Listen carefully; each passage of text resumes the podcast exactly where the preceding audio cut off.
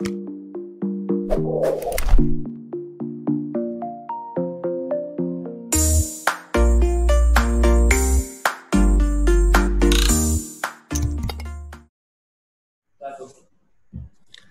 bahagia kerabat desa Indonesia. Spesial hari ini ke poin desa, meng mengkepoin desa, menanya-nanya tentang desa. Hari ini spesial kita tidak jam 10 sampai jam 11 seperti biasanya, tetapi kita agak uh, kita hari ini spesial dalam satu program webinar yang didukung oleh Pusdatin, Kemen, uh, Puslitbang, maaf sekali lagi Puslitbang, Kementerian Desa uh, pembangunan daerah tertinggal dan transmigrasi.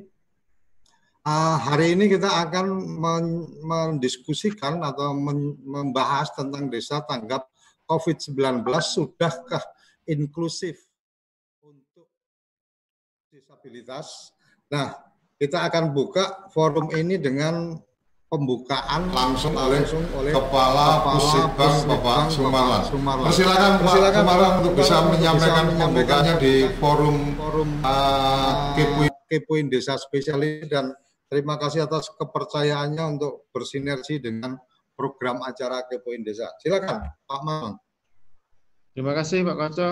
Assalamualaikum warahmatullahi wabarakatuh. Selamat siang, salam sejahtera untuk kita semua. Yang saya hormati yang punya TV Kepo Desa, Pak Koco, makasih. Ini yang kedua, kami difasilitasi. Yang saya hormati Mas Vito, Direktur PSD, PMPMD. Selamat siang, Mas. Yang saya hormati para senior, ada Bu Nora, ada Bu Endang. Yang saya hormati para narasumber, Pak Abdul Latif, Pak Abdul Latif. Hormati. izin agak mundur biar gambarnya enak ini.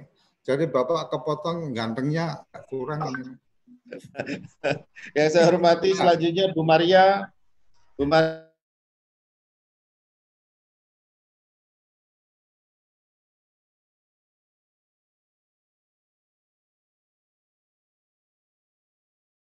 memberikan kesempatan kepada kami untuk bisa bersinergi menyumbangkan pikiran, bukan pikiran hasil kajian, yang kali ini eh, di prakarsai oleh Mbak Tela dan Mbak Dian. Terima kasih kepada mereka berdua yang telah eh, apa me, me, berkontribusi di dalam mengisi eh, terkait dengan kegiatan-kegiatan yang ada di karena selama ini belum pernah seperti ini begitu oleh karena itu saya sangat berterima kasih setelah saya datang mau berikut eh, bergerak semuanya Kemarin juga Pak Koco, terima kasih juga karena mohon maaf ya. saya tidak bisa dengan Mas Fajrin karena sedang kegiatan yang sama, ada di tempat lain itu. Karena itu ini kesempatan saya terakhir kesempatan yang yang pertama saya mengucapkan terima kasih sekalian itu sehingga nanti kok Pak Maran nggak ngasih ucapan terima kasih kalau lebarannya nggak punya apa masalahnya. Selanjutnya eh, eh, materi ini saya mengarahkan memang untuk langsung kepada sesuatu yang berbeda Pak Kojo. Jangan nulis sesuatu yang kira-kira nanti tidak dibutuhkan. Alhamdulillah dengan banyaknya responden yang datang, yang partisipan yang datang, yang ikut menggabung, ini menunjukkan bahwa sesuatu ini, hal ini dibutuhkan dan ini perlu disuarakan gitu Pak Kojo.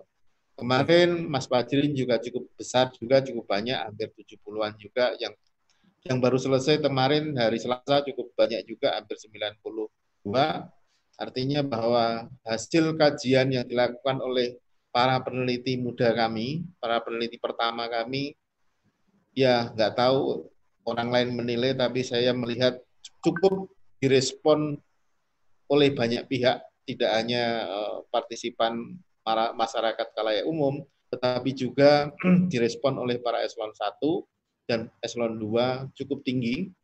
Oleh karena itu saya tidak lanjuti dengan beberapa eh, dengan kegiatan-kegiatan yang seperti ini. Dalam kegiatan ini nyaman. Nah, um, kami mulai saja. Uh, jadi uh, seperti yang tadi Pak Kapus Litbang sampaikan bahwa uh, memang saya dan juga Mbak Dian uh, berinisiatif untuk membuat uh, sebuah kajian uh, yang berperspektif disabilitas karena selama ini kajian-kajian cepatnya kita belum ada yang menyentuh uh, untuk aspek disabilitas. Nah, uh, akhirnya kami uh, membuat kajian ini tentu saja bukan hanya kami berdua karena di masa pandemi seperti sekarang ini um, kan kita tidak memungkinkan untuk turun ke, ke lapangan uh, karenanya uh, kami bekerja sama dengan pemerintah desa yang menjadi uh, rekanan kami, kemudian juga beberapa organisasi disabilitas di daerah, uh, sehingga kami bisa menyelesaikan kajian ini dengan baik. Jadi kajian ini berjudul Desa Tanggap COVID-19 Sudahkah Inklusif Disabilitas? Mungkin bisa di-share screen, Pak.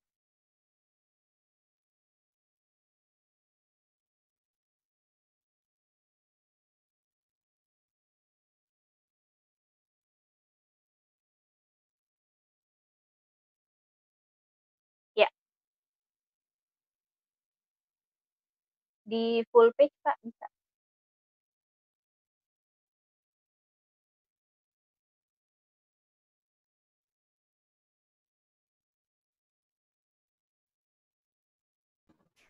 Betul ya? Ya, di full page bisa Pak. Ini masih... Ini sudah full? Oh, Hah? di layar. Di layar saya masih...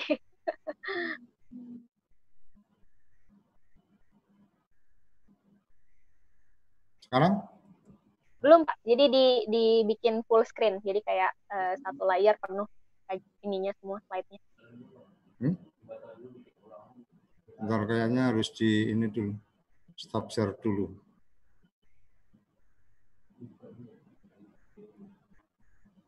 Di sini udah. Sorry.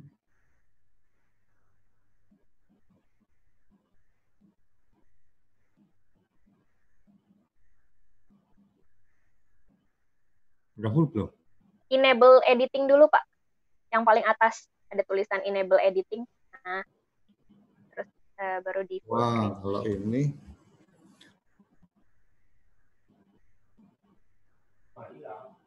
Hmm? Nah, baru di full screen, Pak. Udah? Ya, sudah, Pak. Uh, selanjutnya, slide selanjutnya.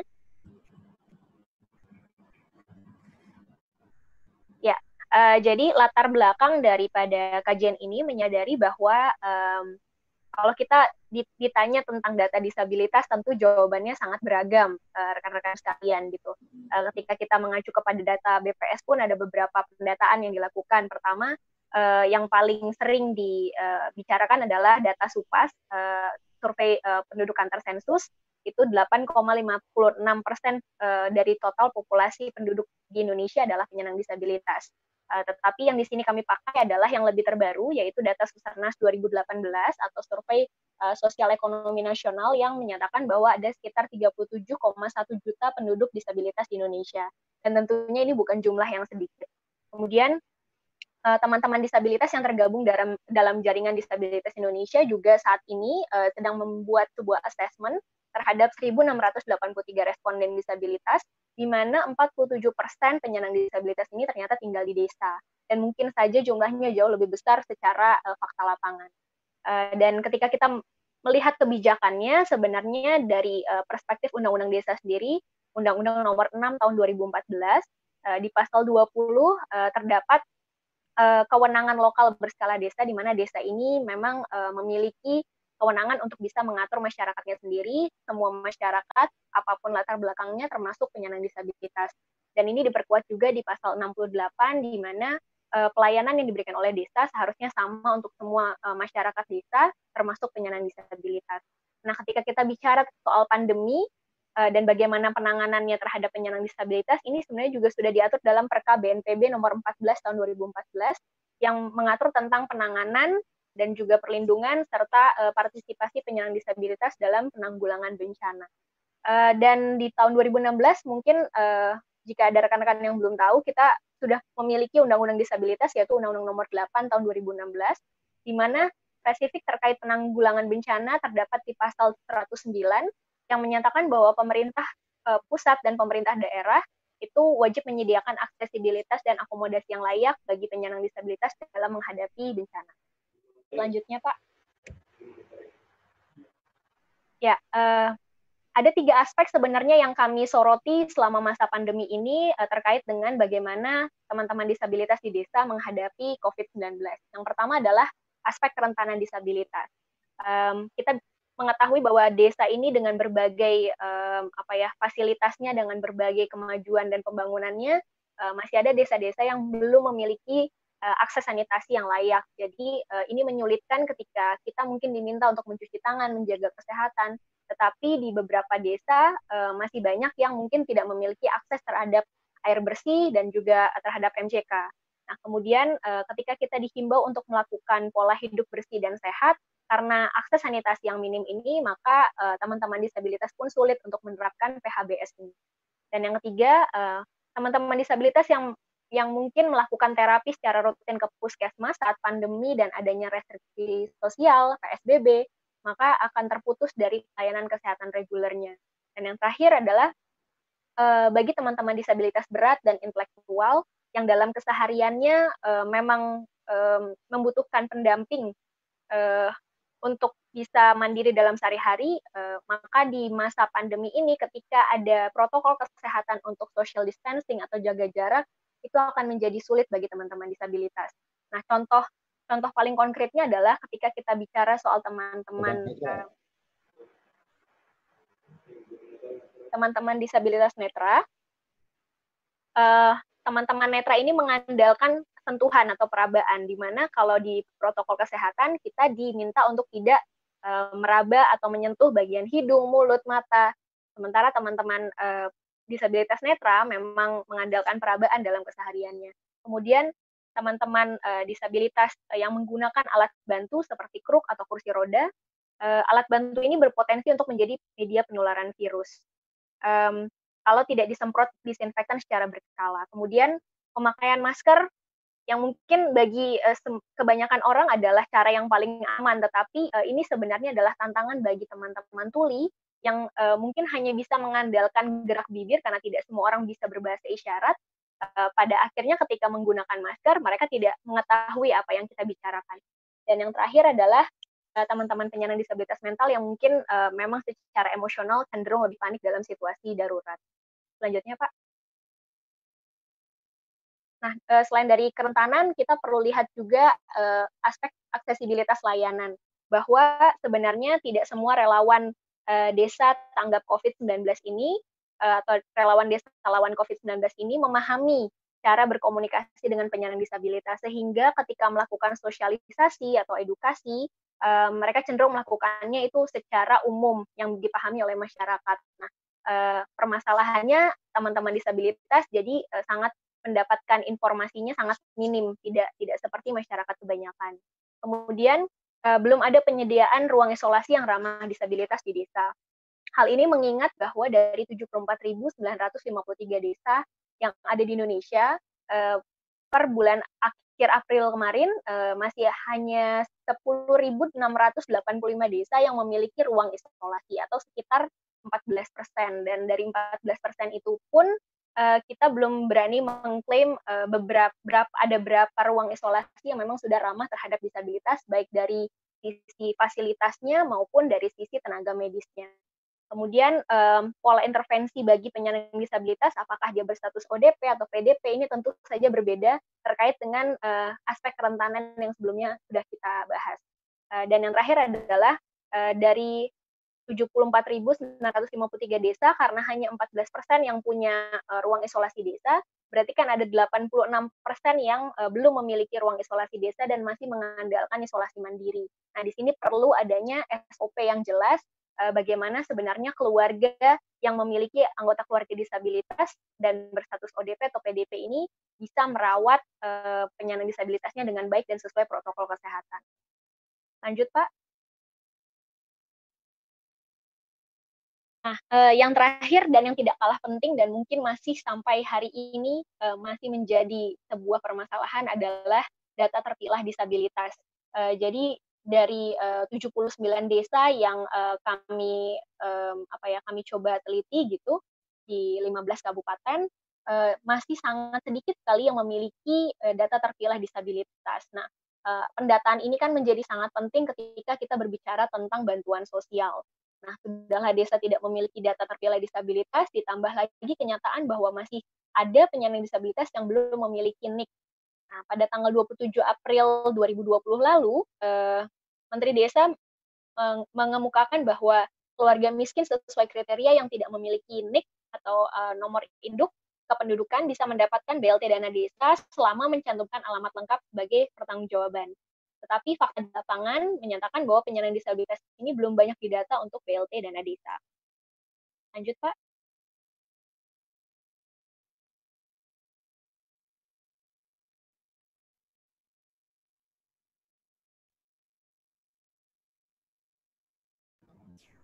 Masih ada halaman berikutnya ya? Iya, masih, Pak. Oh, sorry, sorry, sorry.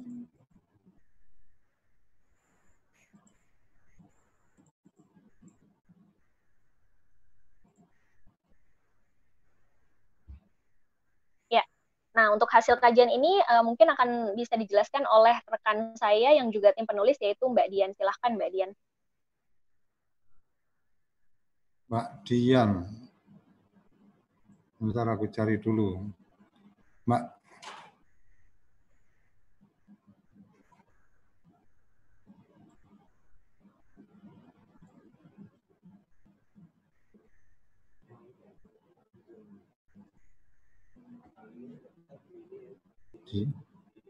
Nah, Dian mana ya? Ada Pak, Dian Dian Imron. Oh, Dian Imron ini? Iya. Oh, aku pikir ada nama Dian Imron, takut salah.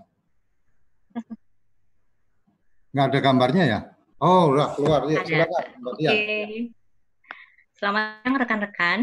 Uh, saya hasil kajian dan temuan kami di lapangan seperti tadi yang sudah disampaikan Mbak Tela bahwa data ini diambil dari 79 desa uh, dan dari 15 kabupaten yang ada, baik yang ada di Jawa maupun uh, daerah di luar Jawa seperti Nusa Tenggara Barat, kemudian ada pula dari Sulawesi Selatan dan juga Kalimantan Tengah. Beberapa kondisi yang kami temui uh, cukup mengagetkan. Mungkin saya akan bacakan. Pertama adalah bahwa masih adanya penyandang disabilitas yang belum terekam data DTKS Kemudian ada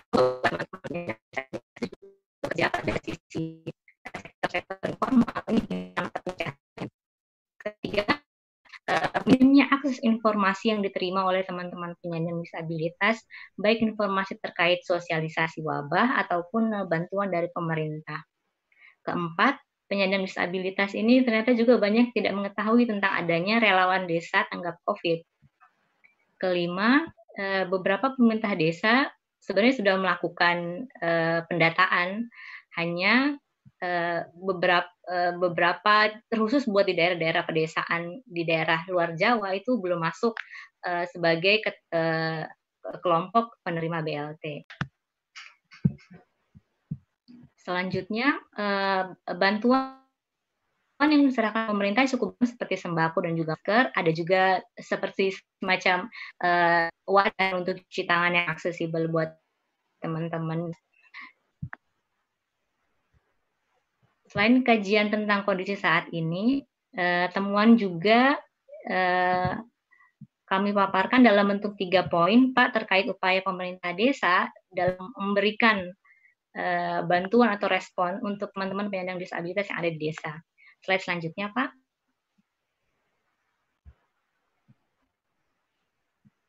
Ya, di Ini. sini terlihat ada tiga poin uh, terkait upaya pemerintah desa terhadap penyandang disabilitas selama masa pandemi COVID. Jadi berdasarkan data yang kami dapat, uh, sekitar 49 persen Pemdes itu sudah melakukan upaya penanganan COVID. Hanya saja uh, upaya penanganan COVID ini belum menyentuh teman-teman penyandang disabilitas. Kemudian untuk eh, kategori kedua, sekitar 44 persen Pemdes itu sudah melakukan penanganan COVID dan sudah menentu, sudah menyentuh teman-teman penyandang disabilitas.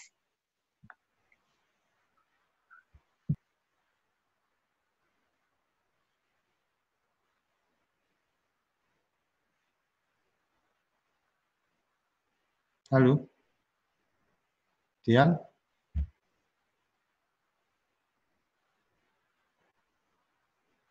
Oh, nggak keluar suaranya? Suara saya udah kedengaran, Pak? Ya, ya, ya. Oke baik.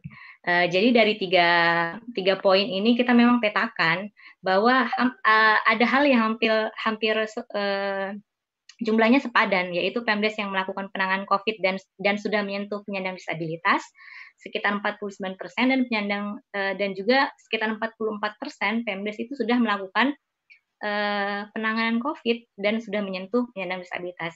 Hanya sekitar 6,3 persen Pemdes yang melibatkan penyandang disabilitas dalam penanganan COVID. Selanjutnya, Pak. Uh, beberapa kendala yang di-sharekan oleh teman-teman uh, penyandang disabilitas yang ada di daerah Uh, pertama ialah pemerintah desa memang dipandang kurang memahami tentang definisi kerentanan disabilitas yang cukup majemuk uh, karena kita tahu penyandang disabilitas itu memiliki ragam. Kemudian yang kedua, uh, desa juga pada umumnya belum memiliki data terpilah disabilitas. Uh, kendala selanjutnya ialah informasi yang kurang aksesibel. Sebenarnya informasinya banyak, hanya tidak aksesibel, jadi tidak bisa mengakomodir ragam penyandang disabilitas. Eh, sebagai contoh, teman-teman tuli butuh uh, penerjemah bahasa isyarat khusus seperti itu. Kemudian yang keempat, uh, terkhusus buat penyandang disabilitas yang ada di desa dan mereka butuh untuk mendapatkan pelayanan kesehatan, mereka terbatas terbatas terkait fasilitas dan juga tenaga kesehatan ada di desa. Dan terakhir, Eh, bahwa memang adanya penyandang disabilitas itu yang tidak dimasukkan sebagai kriteria penerima eh, BLT dana desa.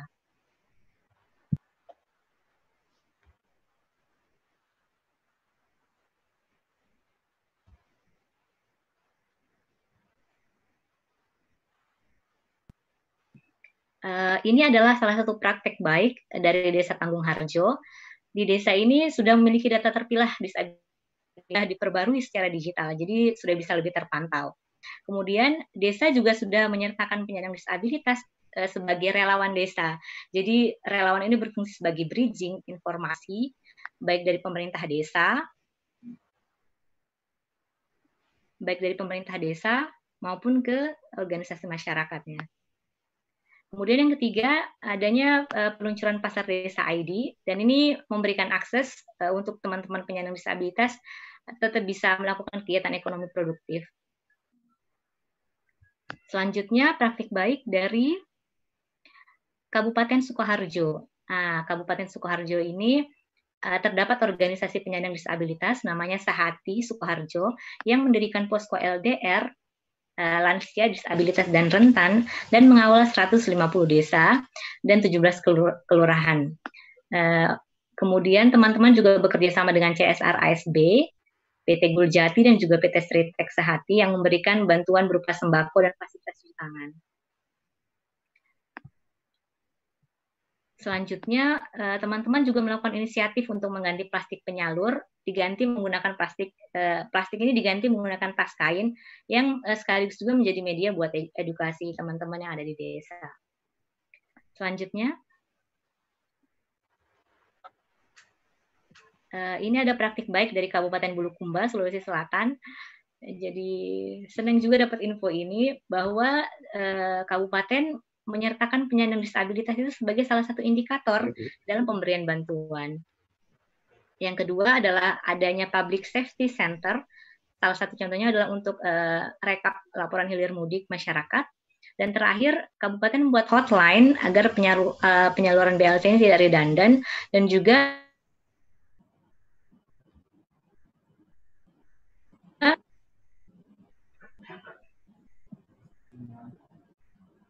Halo. Baik, saya kira. Tian.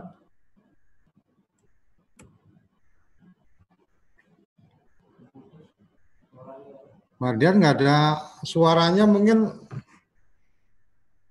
Tela bisa bantu? Iya, boleh Pak. Uh, mungkin di slide sebelumnya Pak, tadi belum selesai. Nah, ya, jadi um, melanjutkan sedikit karena mungkin Mbak Dian terganggu uh, masalah sinyal gitu ya. Jadi uh, di Bulukumba ini sendiri memang uh, punya inisiatif hotline agar penyaluran BLT dana desa itu tidak redundant um, dan dan bisa lebih terarah gitu dan memberikan akses yang sama kepada penyandang disabilitas. Kenapa hotline ini menjadi penting? Karena sesungguhnya uh, bahkan di kota sendiri saja masih menghadapi kebingungan ketika kita menghadapi misalnya harusnya mendapatkan bantuan tetapi tidak mendapatkan bantuan, uh, ke mana harus mengadu gitu. Jadi inisiatif dari Bulukumba ini cukup baik. Kemudian selanjutnya ini adalah uh, slide terakhir dan sekaligus uh, yang benar-benar bisa apa ya memberikan gambaran dan juga memberikan masukan bagi unit teknis di Kementerian Desa pada khususnya. Uh, yang pertama, rekomendasi yang kami ajukan adalah implisit menyebutkan penyandang disabilitas dalam kriteria penerima BLT dana desa. Kenapa? Karena sesungguhnya kalau kita melihat kriteria uh, penerima bantuan BLT dana desa, um, rasa sakit kronis atau menahun ini masih sangat multitafsir. Uh, ketika dibilang sakit uh, kronis ataupun menahun, apakah penyandang disabilitas bisa digolongkan ke dalamnya atau tidak? Sehingga uh, hal yang seperti inilah yang menyebabkan banyaknya penyandang disabilitas yang tidak terdata di dalam uh, penerima bantuan uh, BLT dana desa. Kemudian yang kedua adalah pelibatan penyandang disabilitas dalam relawan desa lawan COVID-19. Kalau kita uh, masih mengingat slide sebelumnya ketika berbicara tentang aksesibilitas layanan, uh, mengingat bahwa relawan desa lawan COVID-19 uh, belum sepenuhnya memahami cara berinteraksi dengan uh, penyandang disabilitas, kemudian juga uh, dalam menyampaikan materi edukasi dan sosialisasi juga masih belum bisa menyentuh uh, teman-teman disabilitas, maka melibatkan teman-teman disabilitas sebagai uh, relawan desa lawan COVID ini adalah sebuah opsi yang sangat baik.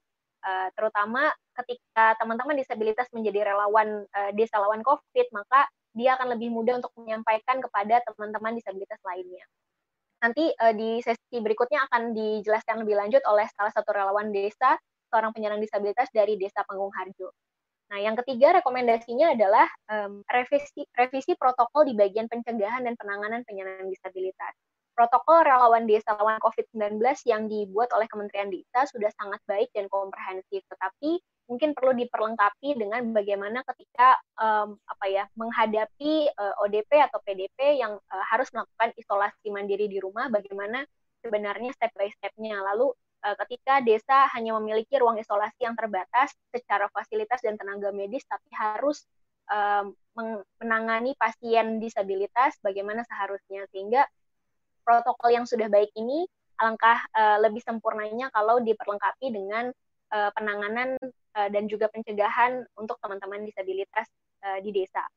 Kemudian yang keempat uh, adalah konsolidasi data. Karena tadi uh, saya sempat bilang bahwa data uh, masih menjadi masalah yang utama terutama dalam penanganan bencana dan pemberian bantuan sosial, maka konsolidasi data ini menjadi sangat-sangat penting karena sistem informasi desa belum sepenuhnya sama datanya dengan data-data misalnya di dinas sosial, dinas pemberdayaan masyarakat desa, kemudian pemerintah pusat seperti yang dikoordinir oleh Kementerian Sosial, bahkan mungkin di Kementerian Desa gitu uh, untuk membuat data terpilah dan kita punya pendataan yang valid tentang berapa banyak penyandang disabilitas setiap desa, ini perlu adalah adanya konsolidasi data. Dan yang terakhir adalah fleksibilitas dana desa untuk PKTD ramah disabilitas. Kalau mengacu kepada Permen Desa nomor 6 tahun 2020, um, salah satu uh, poinnya selain daripada uh, BLT dana desa adalah bagaimana sebenarnya PKTD ini menjadi salah satu opsi untuk pemulihan ekonomi masyarakat selama pandemi karena uh, banyak masyarakat yang mungkin uh, di PHK kemudian pulang akhirnya pulang ke kampung dan menjadi pengangguran baru sehingga PKTD ini menjadi salah satu uh, pilihan baik untuk bisa memulihkan ekonomi warga desa.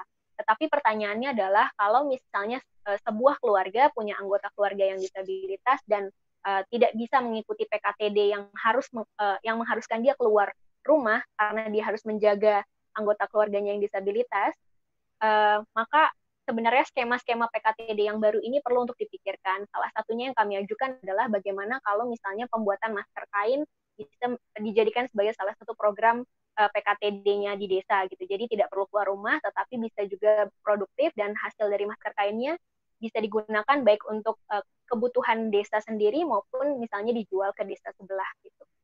Uh, itu saja dari kami. Ada lima rekomendasi um, dan Sekian dari kami, terima kasih.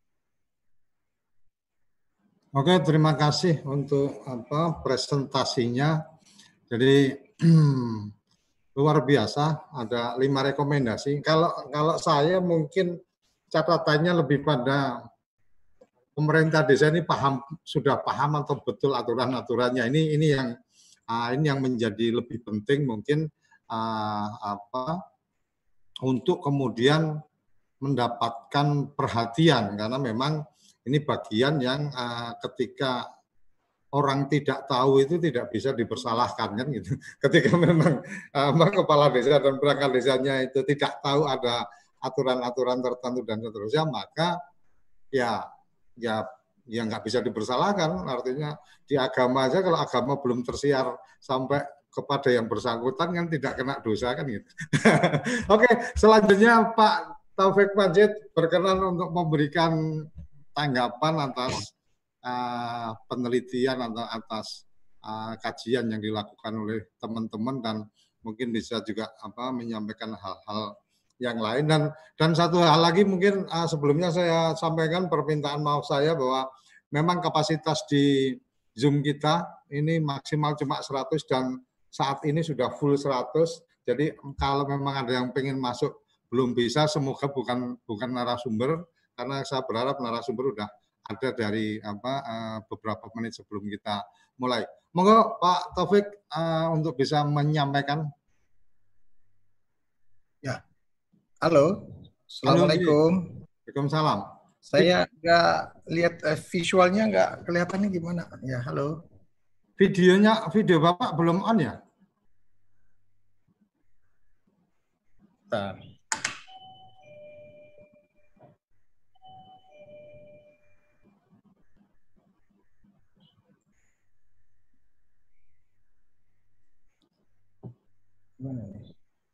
Jadi video Bapak belum dibuka. Untuk materi presentasi sudah ada di kita, nanti kita bisa bantu share. Tekan tab. ALT, ALT tahan tab.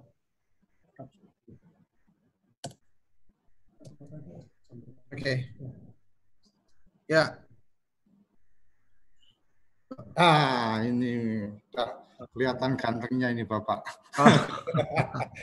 Mari Pak. Ya, Assalamualaikum warahmatullahi wabarakatuh. Waalaikumsalam. Selamat siang, salam sejahtera untuk kita semua. Uh, pimpinan rapat apa pimpinan diskusi yang saya hormati dan teman-teman semua yang tidak bisa saya sebut satu persatu. Saya didampingi ada Pak Bito nih, uh, Direktur Pelayanan Sosial Dasar. Saya pertama sekali mohon maaf tidak sempat mengikuti dari awal karena saya ada di ruang kendali rapat bersama Pak Menteri dengan UNDP terkait dengan uh, program dan proyek pembangunan dan pemberdayaan desa. Kemudian dilanjutkan dengan ada ekspos untuk rencana kita mendorong ketahanan pangan di desa atau recovery ekonomi pasca COVID-19. Saya hanya menangkap di ujungnya saja Uh, saya tahu walaupun di ujung Mbak atau Ibu Martela Rivera dan Ibu Dian tadi, saya tidak tahu kalau ini adalah teman-teman yang ada di Bali Latvo nih, ternyata cukup produktif dan uh, baik sekali saya kira uh, apa namanya uh, hasil atau temuan yang dilakukan. Saya juga Eh, sedikit bertanya dan penasaran kapan uh, penelitian ini dilakukan begitu kan? Karena yang namanya relawan desa uh, lawan COVID sebagai sebuah antisipasi kita atas meluasnya COVID-19 di Indonesia lahir regulasi ini di awal-awal bulan Maret kita belum bicara BLT kita masih bicara PKTD bicara pencegahan penanganan COVID, kemudian kemudian dan beberapa surat edaran Pak Menteri dan secepat itu kemudian uh, ada hasil dan selanjutnya rekomendasi yang diberikan oleh teman-teman kita tadi. Tapi secara makro ingin saya sampaikan gini, Bapak Ibu sekalian. Uh, dalam pembangunan desa, ya, kita merefer ke Undang-Undang 6 2014 yang menurut kami ini sebuah undang-undang yang sangat progresif ya. Undang-undang yang betul-betul uh, memberikan sesuatu yang signifikan, ya, mengembalikan daulat desa gitu. jadi dikembalikan otoritas kewenangan dan seterusnya itu desa sesuatu yang hilang selama beberapa rejim terakhir masuk rejim kita uh, dalam Undang-Undang 6 itu ada beberapa prinsip dan tujuan sekaligus dari pembangunan desa. Jadi secara eksplisit pembangunan desa itu adalah ditujukan untuk meningkatkan kesejahteraan sekaligus kualitas hidup masyarakat desa.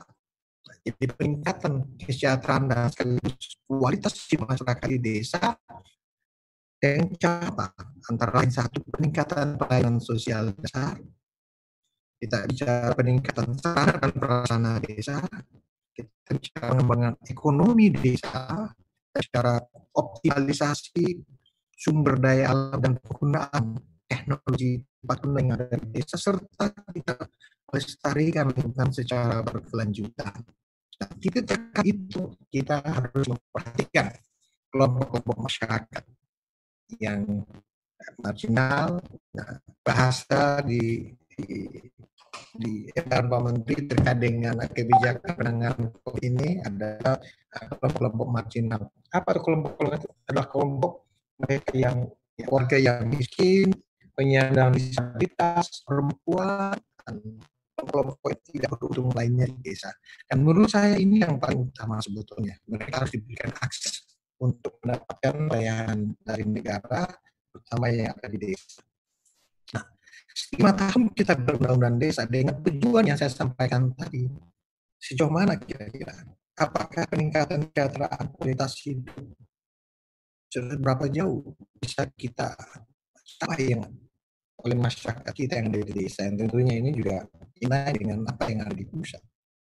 Nah, ini yang harus kita. Jadi sebetulnya kalau kita bicara uh, namanya kelompok atau penyandang disabilitas, kita bicara dalam satu skema besar di Undang-Undang Desa itu kita mewujudkan satu inklusi sosial desa yang inklusif.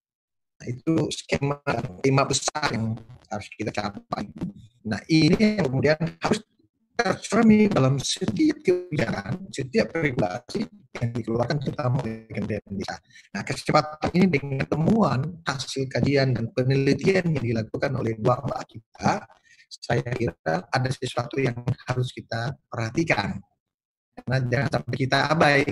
Nah, tadi tujuan besar kita harus ikut sertakan mereka yang tidak beruntung itu dalam satu proses besar pembangunan dan pemberdayaan masyarakat Indonesia ternyata dalam regulasi ada bias. Jadi ini adalah interupsi yang dilakukan kepada uh, kita semua sebetulnya.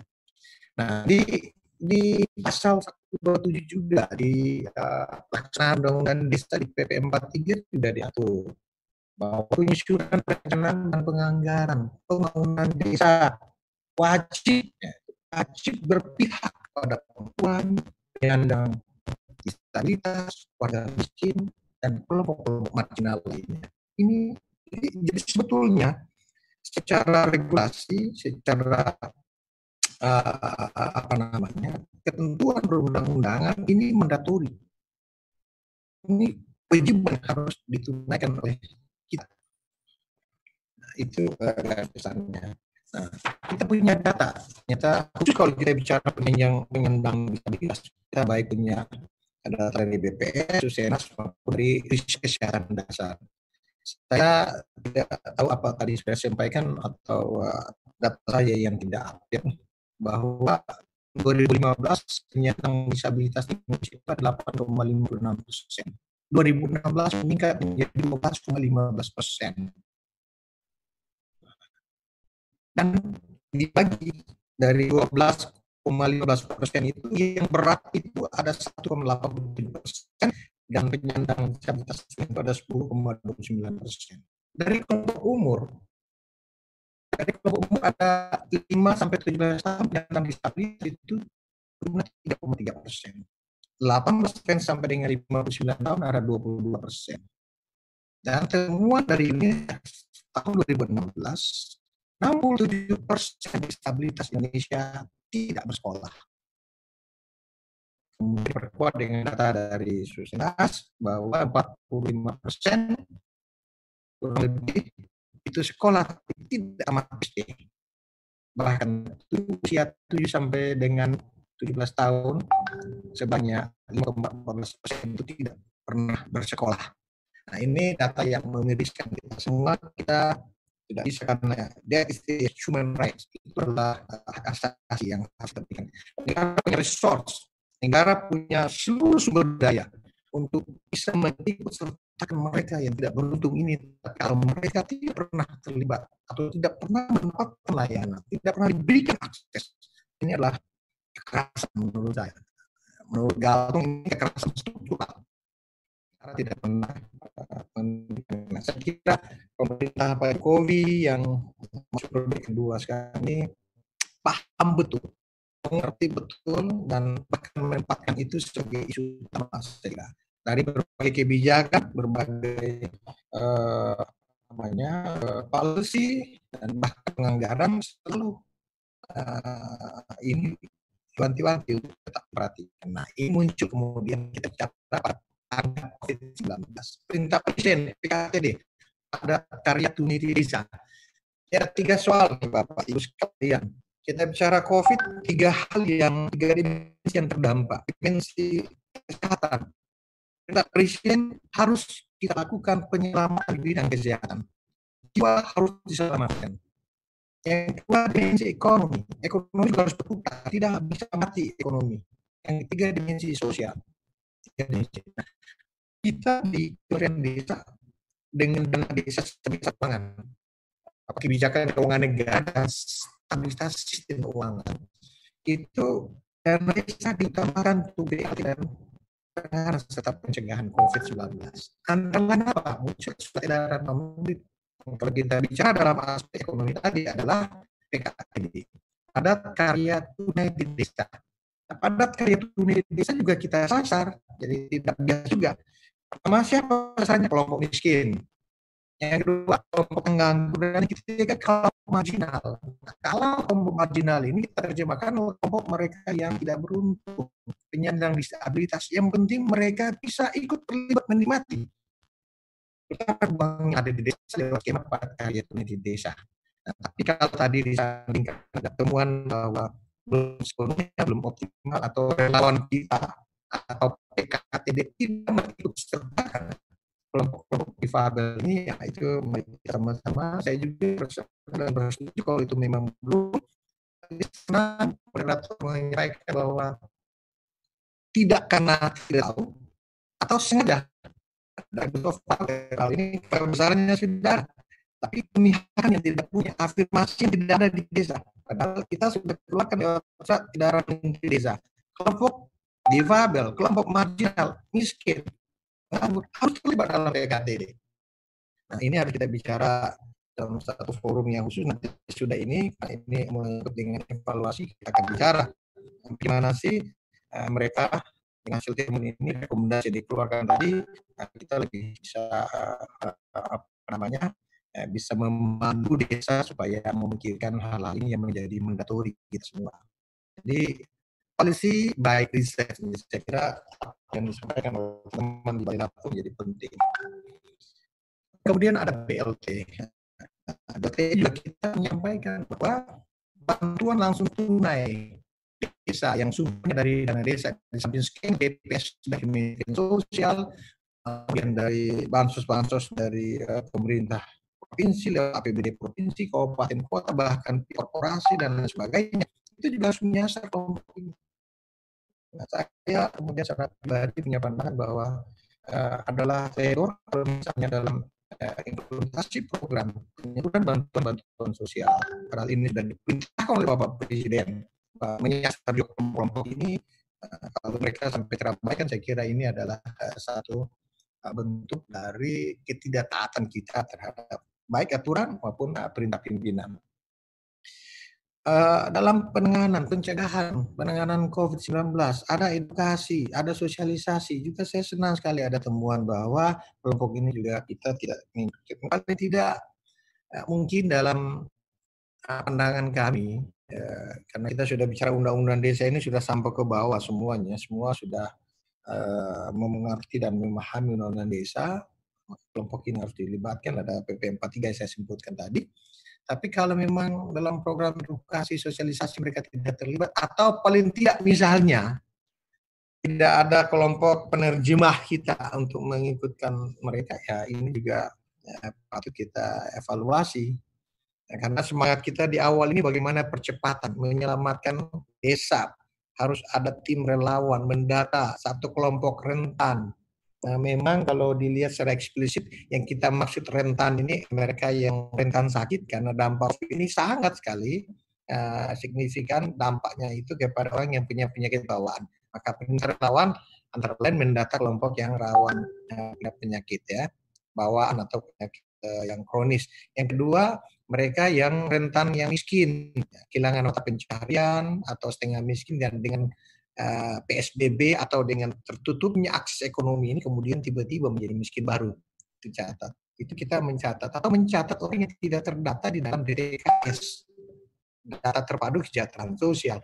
Nah, memang secara eksplisit kita tidak mencantumkan mencatat kelompok difabel, kelompok disabilitas. Ya, ini ya, saya juga uh, kira sebagai orang yang ada di PPMD, temuan ini menjadi penting. Kita harus mencatat mereka juga. Jangan sampai eh, pemberian bantuan terus ke mana mereka?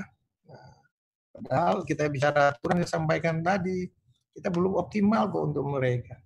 Jadi eh, bicara kemiskinan bukan hanya bicara masalah ekonomi, tapi bicara juga mereka eh, seberapa besar mereka diberikan apa namanya eh, akses untuk terlibat dalam pengambilan keputusan, terlibat dalam hal-hal eh, pelayanan dan sebagainya. Nah ini yang uh, saya kira uh, penting sekali untuk didiskusikan lebih lanjut. Nah, begitu juga dengan lain uh, partisipasi masyarakat dalam musyawarah desa misalnya. Saya selama ini merancang, mendorong supaya setiap aturan yang dikeluarkan lewat peraturan Menteri Desa menyangkut dengan pelaksanaan musyawarah desa harus musyawarah desa yang partisipatif, musyawarah desa yang muncul karena kebutuhan masyarakat, bukan karena dipersatukan apalagi secara teknis diundang orang tertentu kelompok-kelompok tertentu. Ya kelompok yang sudah eh, apa namanya eh, punya status tertentu di desa ya. Perangkat desa kepala desa tokoh agama tokoh masyarakat. Terus pertanyaannya di mana kelompok perempuan? Di mana suara dari kelompok difabel kaum stabilitas? Saya selalu bilang mereka nggak ada. Mereka harus ikut terlibat harus diberikan akses. Terlibat aktif.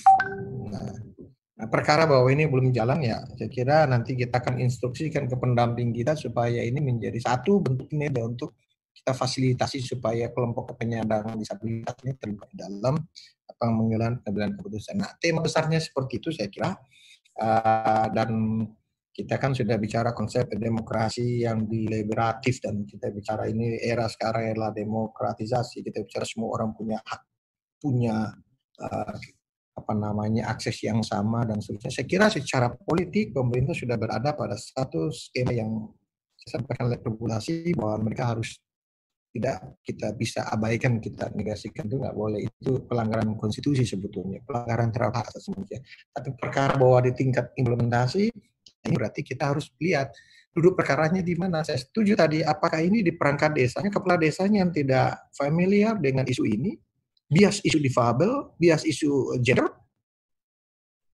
atau regulasi kita yang tidak cukup ditafsir dengan baik misalnya. Harus ada regulasi yang dibuat secara eksplisit. Gitu. Nah ini akan menjadi evaluasi. Nah, sehingga uh, saya kira kita harus ke depan kelompok-kelompok ini harus kita berikan akses dan karena ukuran dari kualitas dari desa yang inklusif itu adalah bagaimana kesadaran dan tindakan kita. Semua sama-sama untuk ramah, terbuka, tidak memberikan hambatan, tidak obstacle bagi kelompok-kelompok yang rentan ini, kelompok difabel, perempuan miskin ini untuk ikut terlibat sama-sama untuk menikmati hasil pembangunan yang ada di desa. Kami tidak mau COVID ini yang sudah parah kasihan kemudian mereka juga tambah eh, tidak menikmati apa yang diberikan oleh negara, oleh pemerintah kepada mereka. Ruang-ruang ini yang harus kita buka uh, supaya mereka terlibat sama-sama karena semua kita sama. Semua kita punya punya apa namanya punya hak yang sama untuk menikmati hasil hasil. Dengan itu maka tujuan dari pembangunan desa itu menjadi apa namanya tercapai gitu kan. Membentuk kualitas hidup manusia peningkatan kesejahteraan manusia yang ada di desa mengurangi kemiskinan ketimpangan dan mengangkat harkat dan martabat kelompok disabilitas yang ada di desa. Saya kira ini akan menjadi mainstream dengan uh, walaupun kecil temuan yang saya kira baru di 75 desa tadi yang saya sempat dengar tapi kalau itu bisa dianggap representatif walaupun kita punya 74.953 desa tapi kalau sudah 75 desa di sampling kayak gitu saya khawatir desa-desa yang lain juga akan sama seperti itu Nah, memang reliabilitas dan validitasnya memang harus kita uji sebetulnya penelitian ini, tapi gambaran umum kalau sampai eh, desa-desa kita, kepala desanya tidak cukup cakep untuk mengetahui, mendalami regulasi, saya kira kondisinya akan sama. Maka depan arahan dari Pak Menteri Desa saat ini, Gus Menteri, kita harus melakukan beberapa perubahan. Ada istilah beliau reformasi kebijakan di bidang pembangunan desa. Pertama kita harus ini masukan baik sekali Pak moderator Bapak Ibu sekalian. Sisa anggaran dana desa tahap pertama, tahap kedua yang setelah kita pakai COVID, kita pakai BLT harus ada reformulasi untuk dipakai. Antara lain kita harus bicara bagaimana memberikan kesempatan kepada kaum difabel untuk menikmati juga anggaran yang ada di desa. Yang kedua, Pak Menteri selalu berbicara bahwa kita harus melakukan reformulasi terhadap uh, apa namanya formula dan reformulasi eh, nilai atau variabel-variabel dari dana desa. Jadi selama ini kan dana desa hanya pertama alokasi dasar, alokasi jumlah penduduk, angka kemiskinan, luas wilayah dan tingkat kesulitan geografis. Nah itu sebagai standar kita menetapkan formula dan besaran dana desa. Nah variabel ini kita harus lebih dorong dan memastikan ada aspek keadilan yang kita bisa capai di desa. Maka ini akan kita diskusikan Pak Menteri telah menggandeng Universitas Gajah Mada, IPB Bogor, kemudian Universitas Indonesia nanti dari UI. Kita bicara uh, formula dana desa dalam perspektif yang lebih adil dan merata, termasuk menyasar uh, masyarakat-masyarakat kita yang tidak beruntung. Yang kedua, selama ini kita punya uh, prioritas penggunaan dana desa itu hanya satu, apa istilahnya one fit for all simetris. Kita punya 74.953 desa di 434 kabupaten di 33 provinsi kita pukul rata sama satu kebijakan. Aturannya cuma satu tidak di klaster klasternya apa? Kita bicara status desa kita bicara uh, kebutuhan desa dan seterusnya itu kita nanti bicara uh, klaster klaster. Nah, nah dalam itu saya kira antara lain juga uh, formula yang ingin dilakukan oleh Pak Menteri Desa adalah meningkatkan kapasitas desa. Nah, kapasitas desa adalah kita bicara kekuatan kompetensi, antara lain kekuatan jaringan, kapasitas desa untuk mendorong peningkatan komoditi-komoditi unggulannya, mengoptimalisasi seluruh potensi yang dimiliki. Yang kedua, menjaga human kapital, sosial kapital yang ada di desa, dan yang paling penting adalah peningkatan kemampuan regulasi dari perangkat desa atau masyarakat desa kita itu desa yang berkualitas. Nah, kami ingin memasukkan uh, isu ini bahwa kemampuan dan kapasitas desa itu antara lain dia memahami regulasi kita yang itu harus membuka ruang kepada kelompok kelompok kelompok-kelompok yang tidak beruntung di desa.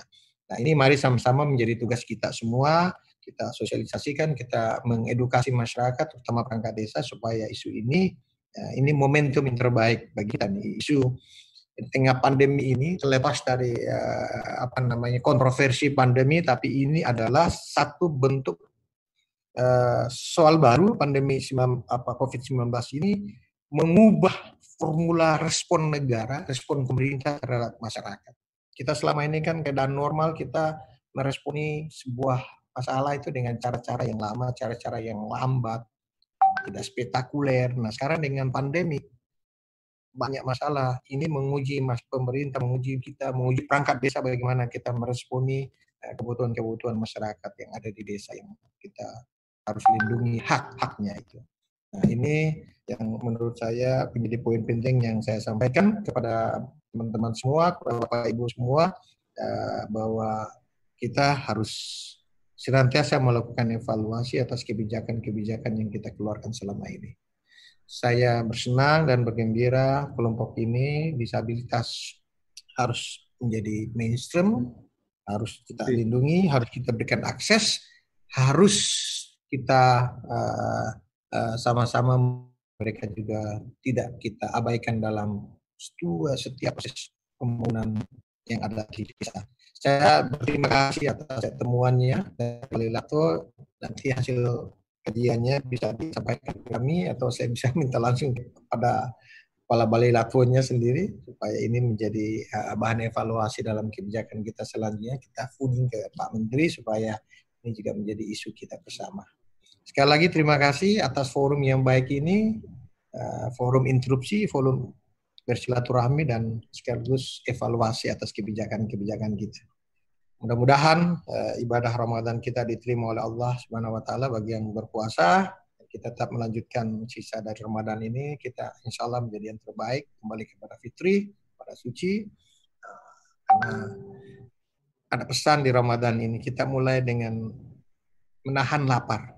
Puasa kita menahan lapar, tapi diakhiri kita dengan memberi makan kepada orang yang lain. Diakhiri dengan menunaikan zakat. Itu pesan yang sangat profetis. Kita menahan lapar, merasakan lapar dan diakhiri dengan kita harus memberikan orang makan.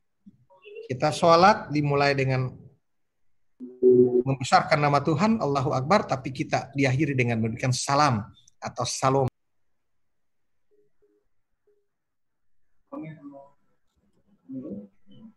Enak Mudah-mudahan ini uh, rapat dan apa namanya pembahasan yang sangat baik bagi kita. Sekali lagi saya berterima kasih atas forum ini. Evaluasi semuanya kami terima. Nanti kita tinggal uh, menyesuaikan dengan kebijakan-kebijakan yang kita ambil. Lebih kurang saya mohon maaf kiranya Allah Subhanahu wa taala senantiasa memberikan uh, berkah, perlindungan dan kesehatan kepada kita semua. Tetap jaga stamina, tetap jaga kebersamaan, Allah Subhanahu wa taala senantiasa berserta kita. Tuhan menyertai kita semua. Ihdinas syiratal mustaqim. Selamat siang. Assalamualaikum warahmatullahi wabarakatuh. Waalaikumsalam warahmatullahi wabarakatuh. Terima kasih sekali Pak Dirjen untuk tanggapan dan uh, informasi-informasi yang disampaikan. Semoga ini juga menjadi awalan juga untuk TV, TV Desa ke depan juga bisa berkolaborasi dengan siap, siap.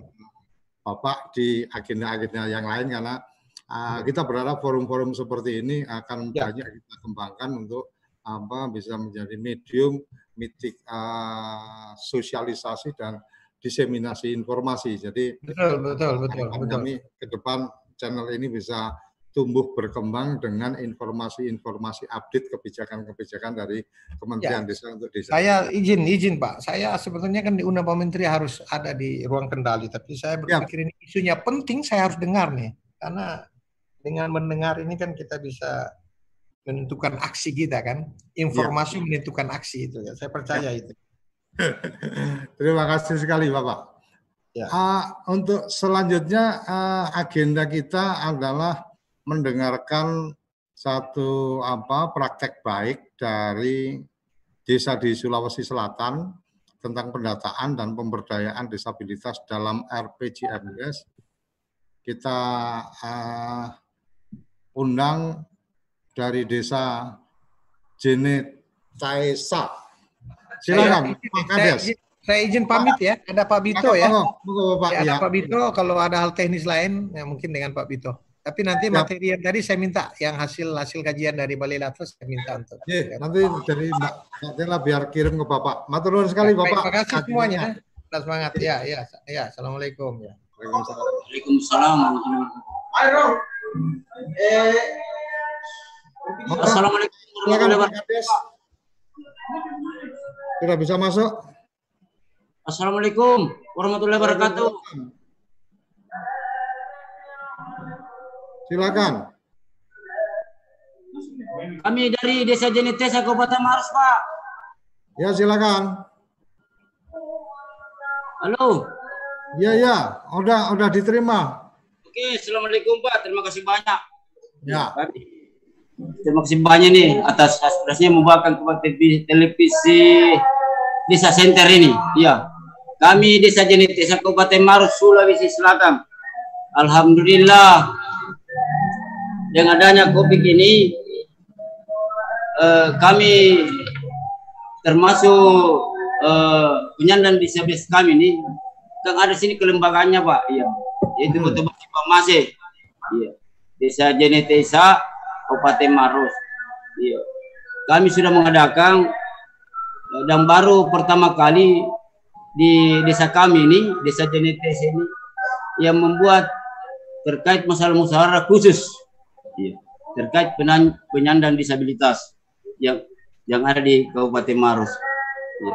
Alhamdulillah di 2020 ini kami sudah anggarkan ada 15 penyandang disabilitas ini yang penerima BLT langsung Pak. Iya. Oke. Okay. Sudah 15 orang ya, 9 perempuan, 6 laki-laki. Iya. Artinya itu sudah uh, sudah diputuskan dalam musyawarah desa khusus ya Pak ya? Sudah, sudah, sudah, sudah. Oke. Okay. bagus, bagus. Iya.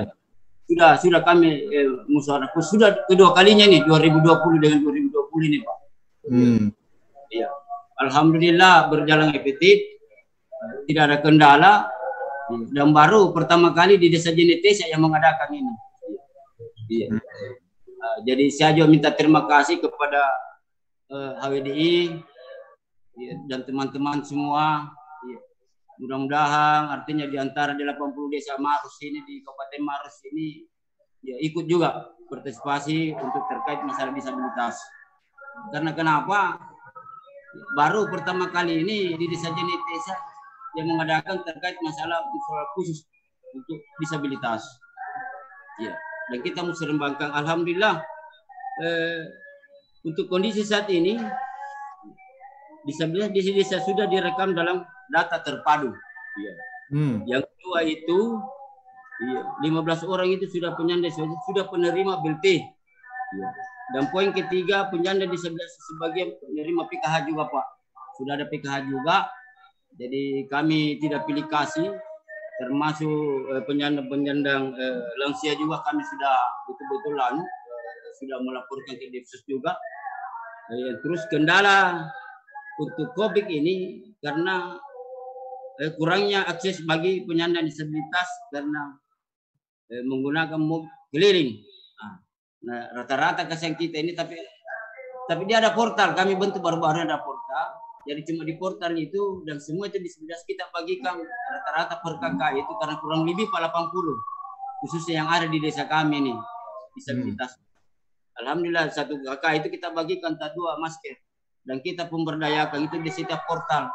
Ya, kita pemberdayakan setiap portal. Tapi termasuk cuma yang rungu ya karena yang pakai anu pasti tidak boleh kita pakai dia pemberdayakan ya, alhamdulillah terlalu banyak sudah banyak juga bantuan-bantuan mulai dari desa juga mulai dari pusat juga terkait masalah kursi roda apa itu eh, alhamdulillah sudah banyak di sini ya sisa hmm. artinya kita mau uh, bentuk lagi bagaimana supaya bisa yang terbaik untuk khusus untuk disabilitas ya. Eh, barangkali demikian pak. Oke terima kasih Pak Abdul Latif ya. Betul ya? Siap siap eh, jadi uh, apresiasi untuk Pak Abdul Latif yang dan Pemdesnya yang sudah apa demikian memperhatikan dan melakukan pendataan pemberdayaan dari teman-teman disabilitas sampai di dalam apa pembahasan di musyawarah desa khusus untuk kemudian mendapatkan bantuan. Selanjutnya kita akan mendengar komentar dari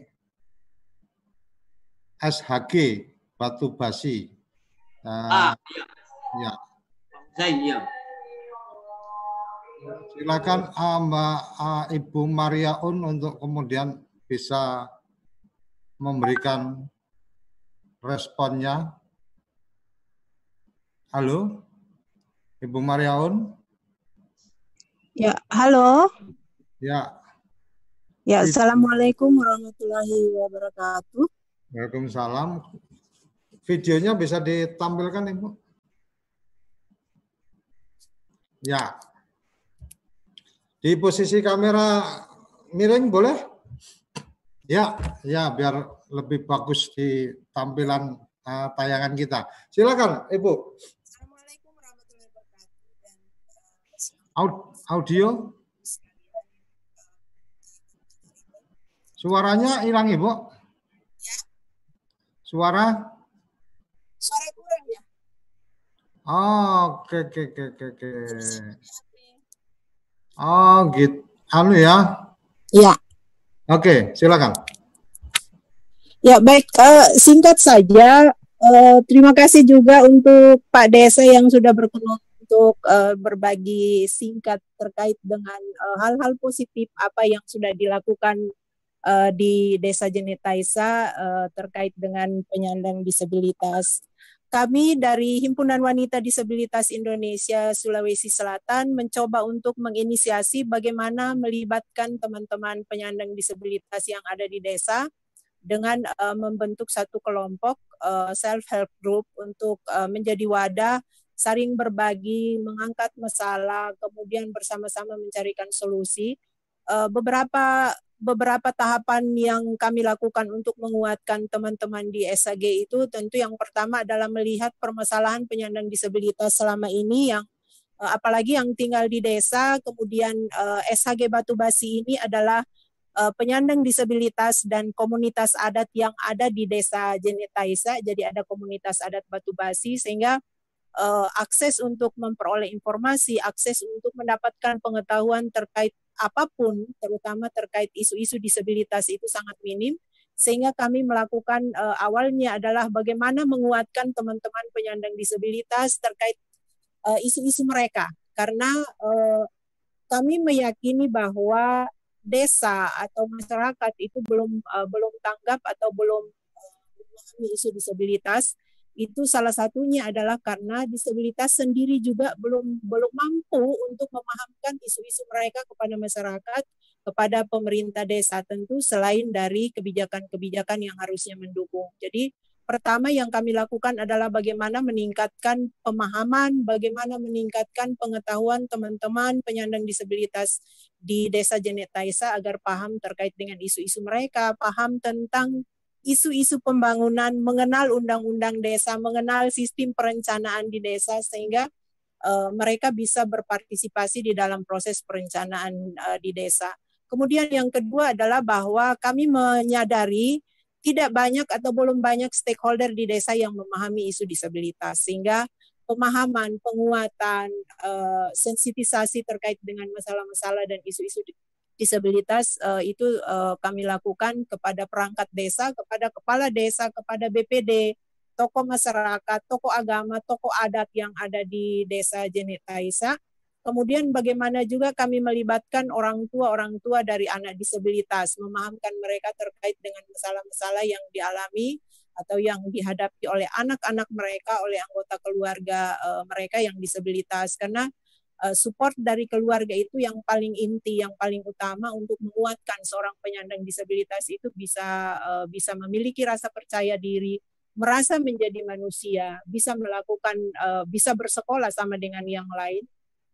Di samping memang tentu harus didukung dengan akses, kemudian didukung dengan kebijakan yang berpihak uh, belum banyak yang bisa kami lakukan bersama dengan teman-teman SHG, tapi SHG ini adalah jejaring atau merupakan jaringan dari organisasi kami di tingkat provinsi. Dan uh, kami mempersiapkan teman-teman untuk bagaimana melakukan komunikasi, melakukan advokasi kepada pemerintah desa, terutama terkait dengan peningkatan partisipasi penyandang disabilitas sebagai warga desa di dalam proses perencanaan pembangunan tahun 2018 untuk pertama kalinya penyandang disabilitas dari komunitas adat di desa Jenetaisa itu mulai dilibatkan untuk mengikuti musrenbang, uh, musrenbang desa. Uh, kemudian uh, kami menguatkan, kami uh, berusaha untuk menguatkan teman-teman memahami bagaimana melakukan advokasi-advokasi terkait dengan penganggaran desa, sehingga teman-teman mampu untuk kemudian mempropos, mampu untuk mengusulkan Eh, kebutuhan-kebutuhan penyandang disabilitas di desa kepada pemerintah desa. Uh, salah satu juga yang kami uh, kami lakukan adalah bagaimana kemudian meningkatkan partisipasi teman-teman penyandang disabilitas untuk aktif memberikan kontribusi di dalam pembentukan kebijakan-kebijakan yang ada di Kabupaten Maros agar berperspektif disabilitas. Salah satu yang uh, berhasil teman-teman uh, aktif mendorong adalah terbitnya peraturan daerah terkait dengan uh, penghormatan, pelindungan dan pemenuhan hak hak penyandang disabilitas di Kabupaten uh, Maros. Itu yang uh, itu yang kami lakukan dan uh, sejauh ini capaian yang kami cukup uh, cukup membuat kami optimis bahwa dari tahun ke tahun peningkatan partisipasi penyandang disabilitas baik dari sisi kualitas maupun kuantitas di dalam proses perencanaan pembangunan itu uh, terus uh, terus meningkat. Dan apa yang dilakukan apa yang uh, apa yang uh, kami inisiasi di desa Jenek Taisa ini kemudian menginfluence beberapa desa lain di kecamatan uh, Simbang. Yang yang menjadi dasar kami untuk uh, pertama melakukan uh, advokasi di sana adalah kami masuk dengan data. Jadi kami bersama dengan teman-teman SHG, kemudian didukung dengan perangkat desa, kami mencoba untuk melakukan pendataan berapa banyak penyandang disabilitas yang ada di desa Jenetaisa. Karena sangat-sangat uh, mustahil untuk desa kemudian berbenah, desa kemudian melakukan uh, upaya pembangunan yang mempertimbangkan kondisi semua warganya kalau desa tidak memiliki data yang terpilah terkait dengan uh, penyandang disabilitas disabilitas. Uh, itu sekilas yang uh, yang kami lakukan bersama dengan SHG. Sebetulnya hadir pada hari ini uh, ada salah seorang pengurus SHG. Beliau seorang penyandang disabilitas, sekretaris dan untuk periode tahun ini terpilih menjadi anggota BPD di desa desa Jenetaisa. Jadi uh, itu uh, itu yang uh, bisa kami share sama uh, kepada teman-teman, kepada Bapak Ibu sekalian yang uh, bergabung atau ikut di dalam webinar. Terima kasih.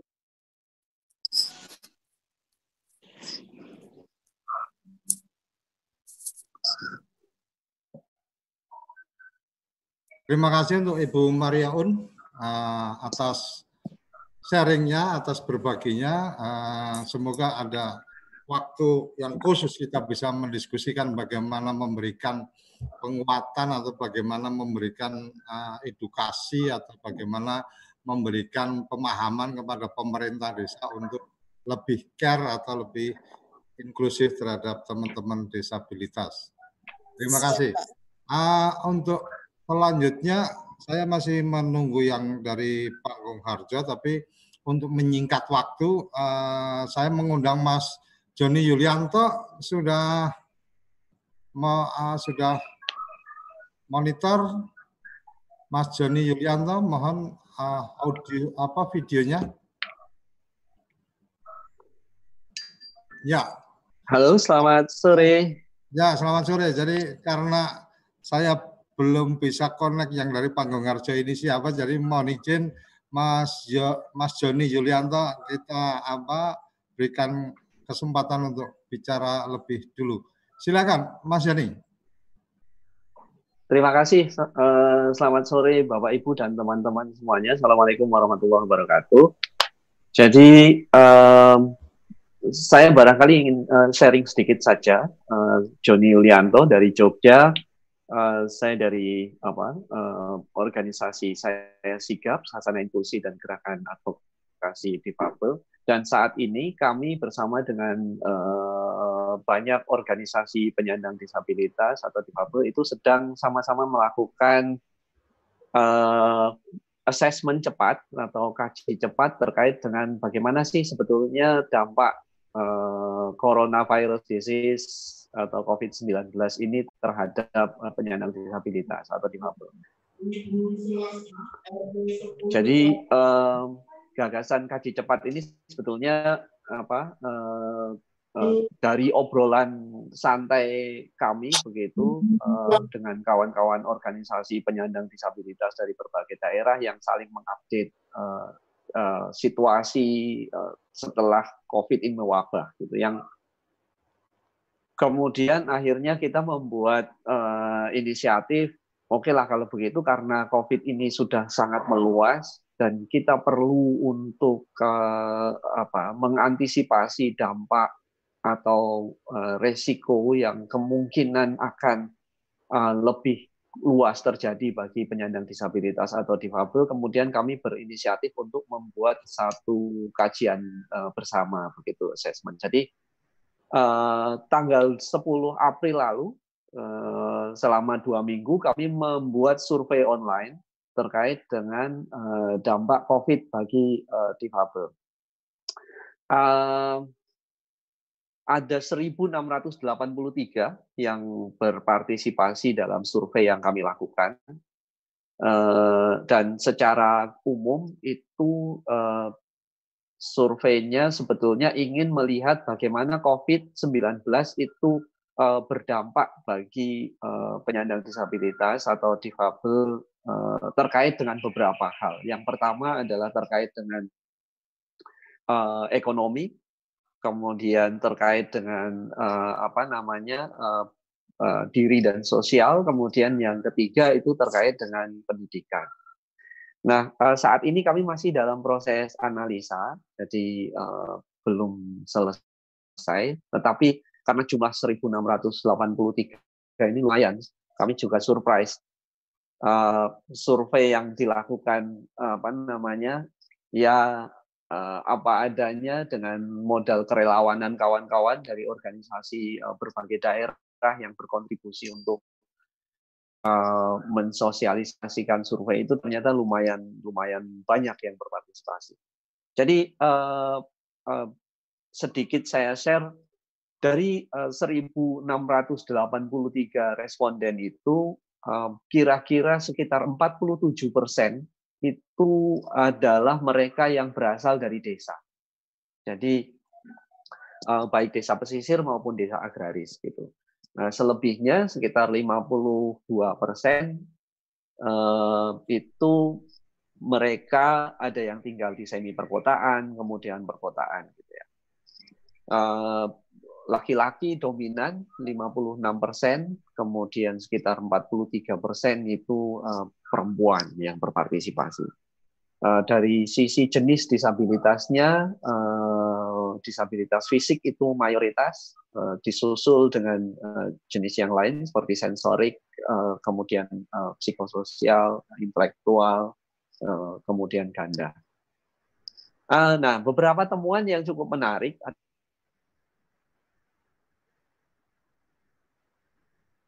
adalah informasi itu menarik. Uh, ini beberapa kawan-kawan yang ikut menganalisa juga ada di sini, jadi mohon koreksinya nanti karena uh, saya tadi nggak sempat apa belum sempat membuka angkanya gitu.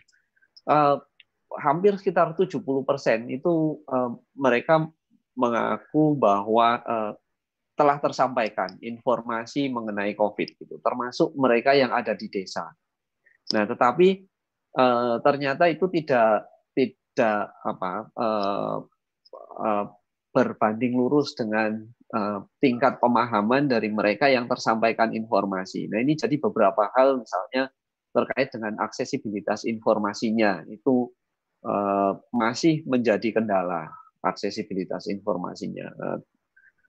Di samping itu juga tentu dalam konteks desa itu ada ada kendala terkait dengan penjangkauan. Nah, um, temuan yang cukup menarik yang lain adalah terkait dengan, nah kalau tadi kita sempat bicara soal uh, BLT misalnya dan apa namanya uh, Permendes uh, 6 itu apa uh, me, sudah mengamanatkan bahwa dana desa itu uh, digunakan untuk mengkomplement BLT bagi yang tidak tercover. Nah, kami bertanya uh, apakah teman-teman difabel, nah, terutama yang 47 persen yang tinggal di desa itu tahu keberadaan program-program uh, apa namanya jaring pengaman sosial yang disediakan oleh pemerintah termasuk uh, BLT dan apakah mereka tahu bahwa mereka tercover atau tidak. Nah, termasuk juga program-program eh, jaringan aman sosial yang lain. Nah, ternyata yang paling tinggi eh, diketahui eh, dan terakses itu adalah subsidi listrik. Itu pun hanya sekitar 25 eh, persen. Selebihnya eh, BLT, eh, dari desa, kemudian program padat karya dan seterusnya itu eh, prosentase pengetahuan dan prosentase mereka yang mengakses itu sangat kecil, hanya sekitar lima belasan persen, bahkan beberapa sangat rendah gitu. Nah, sementara kalau kita melihat profil pekerjaan dari mereka yang usia produktif dan bekerja itu,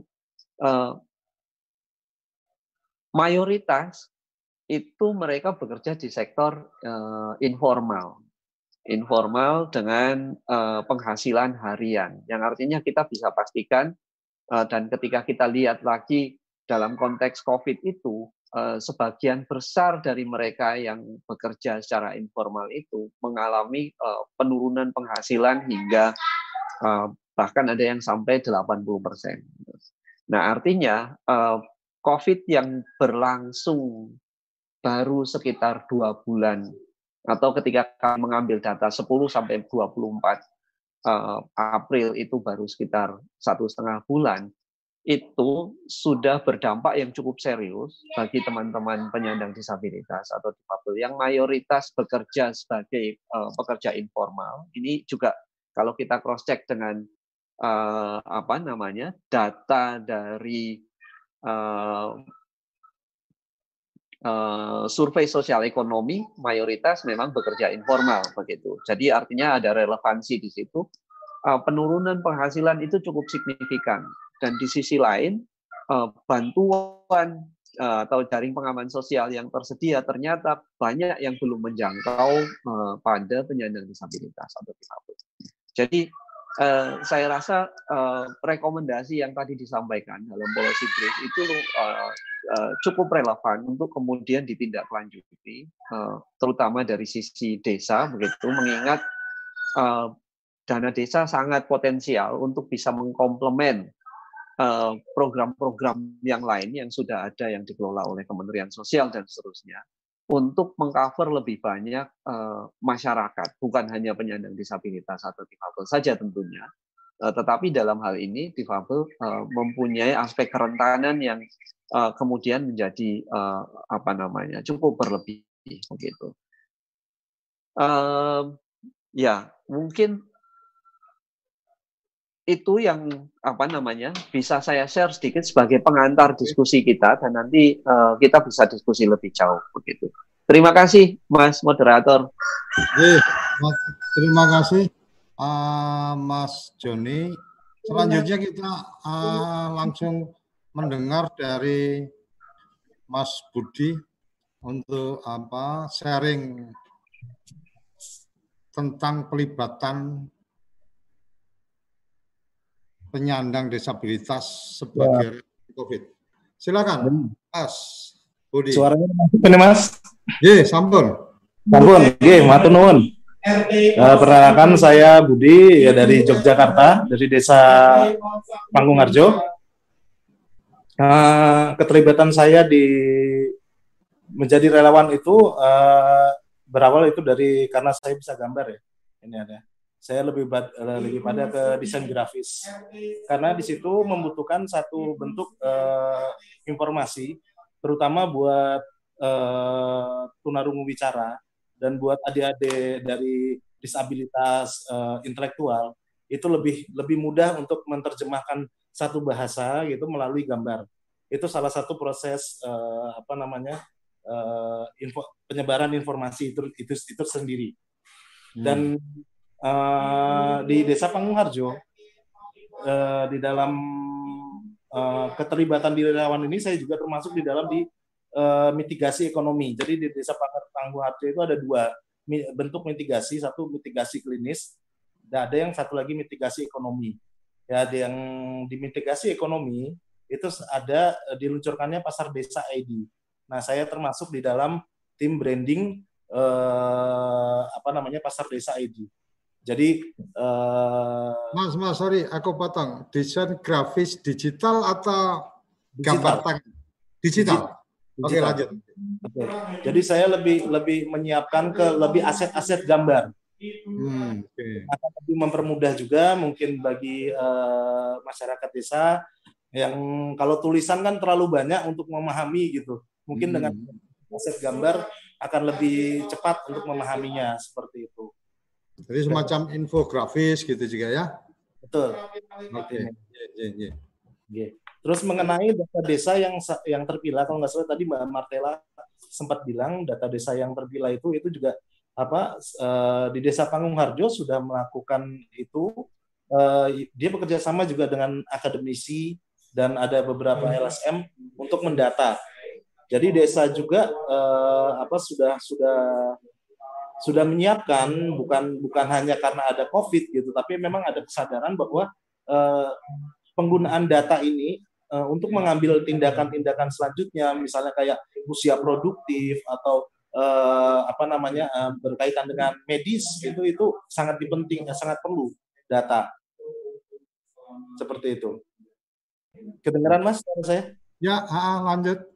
Oke, kira-kira itu terus juga di Desa Panggung Harjo sendiri untuk teman-teman di disabilitas itu bukan hanya sebagai objek, tapi juga sebagai subjek.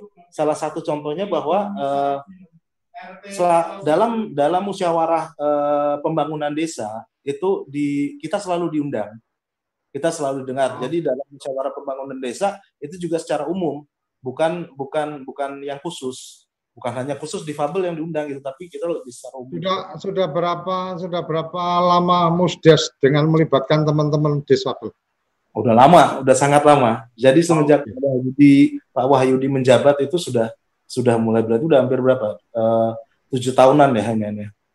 Okay. Nah di situ juga men, kan jadi otomatis kita, uh, eh, bisa didengar juga bagaimana apa yang dibutuhkan dari teman-teman disabilitas, uh, terus juga bisa membantu dalam perancangan uh, perancangan desa, uh, misalnya seperti kegiatan-kegiatan yang lebih inklusif atau apa itu memang sudah ada dibicarakan seperti itu.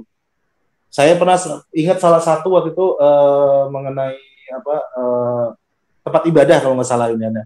Itu juga hmm. saya ngobrol dan itu ditanya juga mengenai apa namanya bagaimana aksesibilitasnya untuk tempat ibadah atau apa itu tetap didengarkan seperti itu.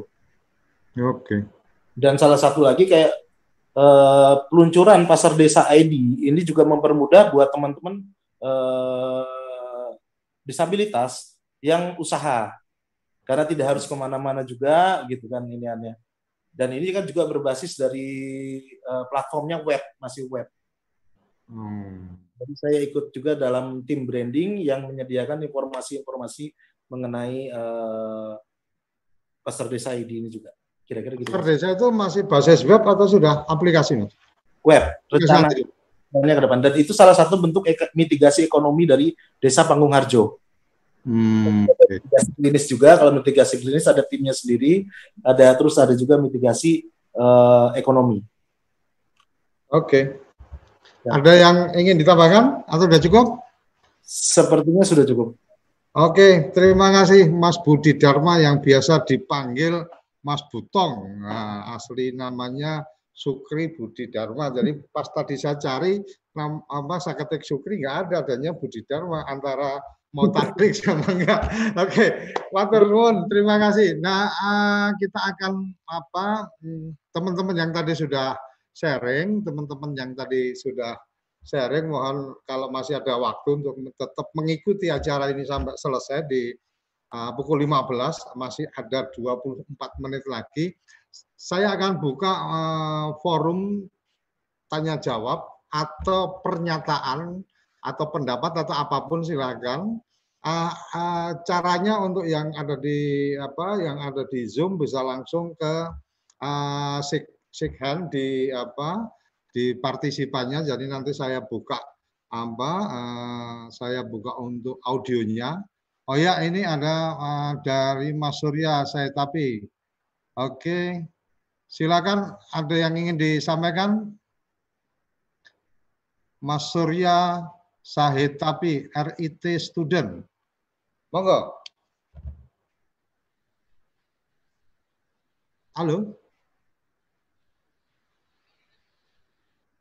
Surya saya tapi audionya Oh gitu. Oke oke.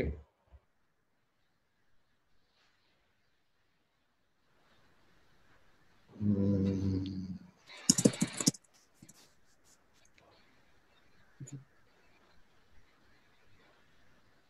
Hmm.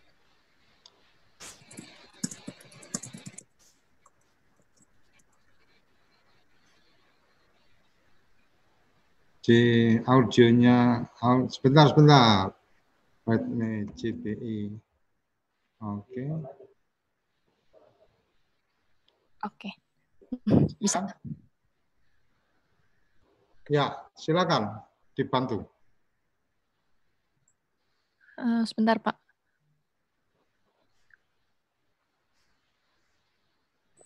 hmm.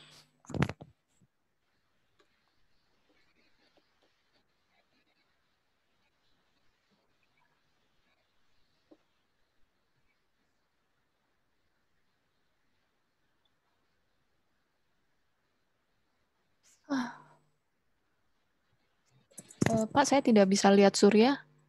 Hah? Saya nggak bisa lihat surya. Apakah dia gerak atau enggak? Oh, iya. Oh, gerak. Itu bisa bisa di anu. Jadi uh, Mbak Mbak Min di apa? Di videonya itu dicari gambarnya surya terus dipin supaya ada di udah uh, udah tapi nge-freeze nge-freeze Pak. Nge-freeze, oh, okay. nge-freeze Pak.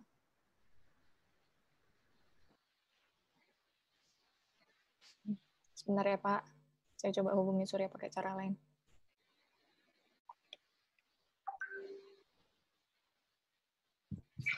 Oke, okay. oke. Okay. Terima kasih uh, Kementerian uh, Desa sudah mengundang saya dan memberikan akses juru bahasa isyarat. Saya senang sekali ngelihatnya. Uh, saya mau kasih sedikit masukan. Tadi teman-teman menceritakan soal BLT, bantuan langsung tunai. Saya mendukung sekali, tapi harus diingat buat teman-teman disabilitas uh, mungkin masih kekurangan akses. Tahun lalu OJK, Otoritas Jasa Keuangan mengatakan masyarakat desa ada 30 38 persen uh, tidak memahami uh, oh tidak memahami literasi keuangan.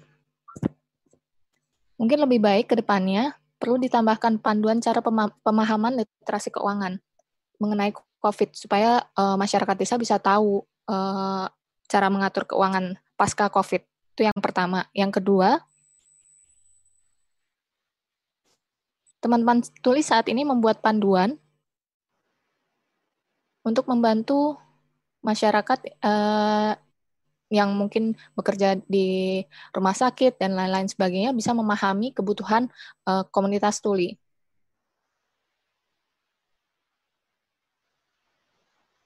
Dan materi COVID-19 juga uh, apa dibuat panduannya.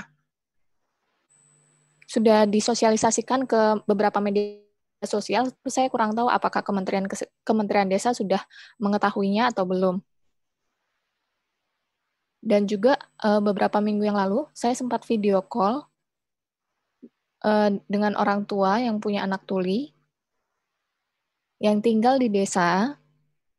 Uh, orang uh, orang tua tersebut mengatakan uh, akses informasinya masih terbatas, ditambah akses internet itu uh, masih jelek sekali, masih buruk sekali. Jadi uh, bingung bagaimana ya cara kirim informasi dari satu tempat ke tempat lain karena akses internet masih buruk.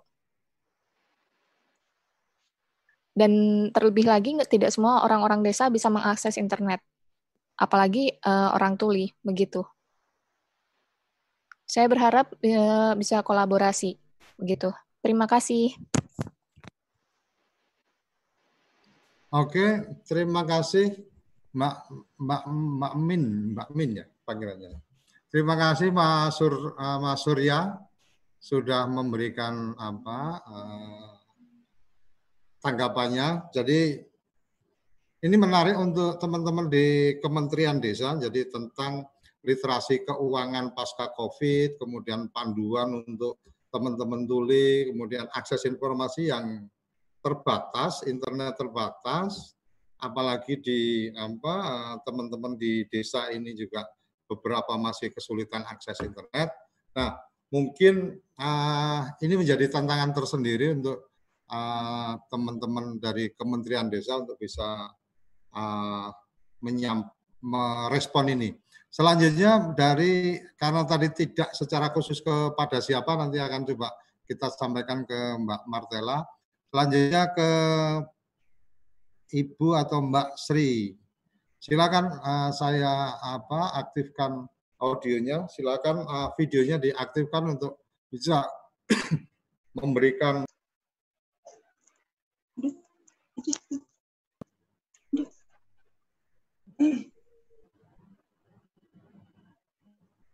Ya, baik. Eh, Assalamualaikum warahmatullahi wabarakatuh.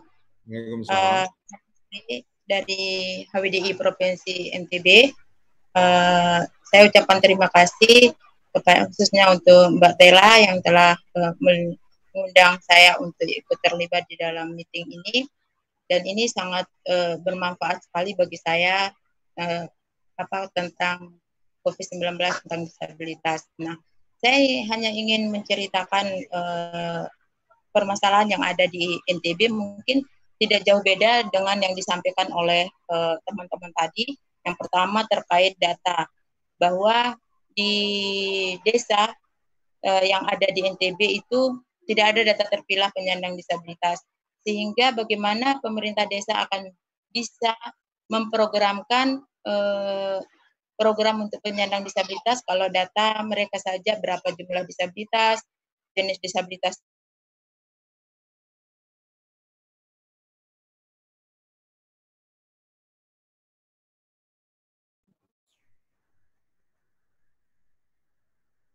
Halo? Mana tadi? Putus ya? Ibu Sri terputus koneksinya. Uh, saya sampaikan selanjutnya ke tapi sudah saya saya tadi sudah coba tangkap uh, tentang uh, bagaimana data yang ternyata desa belum punya juga dan mungkin ini bagian menjadi tantangan untuk ke depan karena data dari dua sisi, data informasi dan data akses internet. Silakan Mas Januar Krisnanto. Baik, terima kasih Pak. Oh, Ibu Bapak yang terkasih, selamat siang. Assalamualaikum warahmatullahi wabarakatuh. Waalaikumsalam. Sebelumnya saya ucapkan terima kasih dan apresiasi atas kerja-kerja dari Mbak Martella dan juga Mbak Dian yang bisa menyuguhkan beberapa data eh, selama meeting tadi. Yang pertama memang saya sepakat dengan Pak Sukoco di awal tadi bahwa eh, bagi kita di sini bicara masalah desa inklusi itu mungkin sesuatu yang familiar, tapi yang kita bicarakan adalah puluhan ribu desa di sekitar eh, yang tersebar di seluruh Indonesia yang di mana tidak semua itu memahami tentang apa itu inklusi disabilitas dan juga beberapa regulasi seperti Permen Desa 620 tentang prioritas penggunaan dana desa. Uh, dana desa. Uh, tahun lalu, akhir tahun lalu memang kami mengumpulkan beberapa desa, ada sekitar 27 desa dan juga beberapa tenaga ahli nasional dan juga juga pendamping desa di tingkat kabupaten dan kota untuk secara inisiatif melakukan sosialisasi dari Permen 6 Permen Desa 620 tersebut. Hasilnya memang pada saat kegiatan berlangsung, uh, beberapa pemahaman dari peserta cukup baik. Tapi yang perlu kita uh, pikirkan lagi adalah bagaimana menindaklanjuti hal itu karena kembali mereka di uh, wilayah masing-masing juga terdapat ke kebingungan. Kemudian yang kedua, Ibu Maria Un dengan idenya tadi untuk lebih melibatkan atau lebih mendorong partisipasi dari penyandang disabilitas itu sangat signifikan. Artinya ketika tidak ada keterlibatan uh, teman-teman, pihak desa juga mungkin akan kesulitan.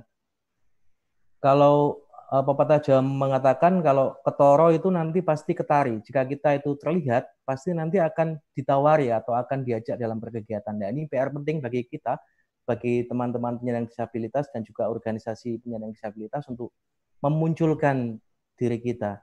Kemudian yang terakhir dari saya, tadi saya melihat beberapa ada uh, hal-hal yang baik yang sudah dilakukan ya. Ada beberapa desa yang berhasil diidentifikasi Mbak Martel, Mbak Martela dan juga um, Mbak Dian itu bisa digaungkan lagi mungkin dengan memanfaatkan media-media seperti uh, TV desa misalnya untuk mengangkat profil mereka supaya memberikan contoh nyata bagi eh, desa-desa yang lain dalam melakukan atau dalam mengimplementasikan prinsip-prinsip inklusi disabilitas di desa masing-masing. Demikian Bapak Sukoco, matur nuwun. Nggih, matur nuwun. Ini selanjutnya Mas Sunarman Sukamto. Silakan Mas Mas Sukamto apa Mas Sunarman ini panggilan pang, panggilan apa? Panggilan gaulnya. Monggo Mas, Mas Sunarman. Mas Maman ya. mas, kameranya gini saja Oh. Nah, benong benong tampilannya ah tampilannya lebih keren. Monggo, silakan. Jadi, terima kasih. Uh, saya Pak Maman. Ji. Saya senang sekali dengan acara ini. Uh, dari beberapa rapat koordinasi ya dengan kementerian lembaga ataupun rapat terbatas kabinet memang apa uh, arahan Pak Presiden untuk memperhatikan kelompok rentan. Nah, dalam konteks ini jelas sekali dari riset yang dilakukan oleh Kemendes yang disampaikan Mbak Tela dan Mbak Dian tadi, eh, difabel adalah bagian dari yang kelompok rentan. Itu pertama.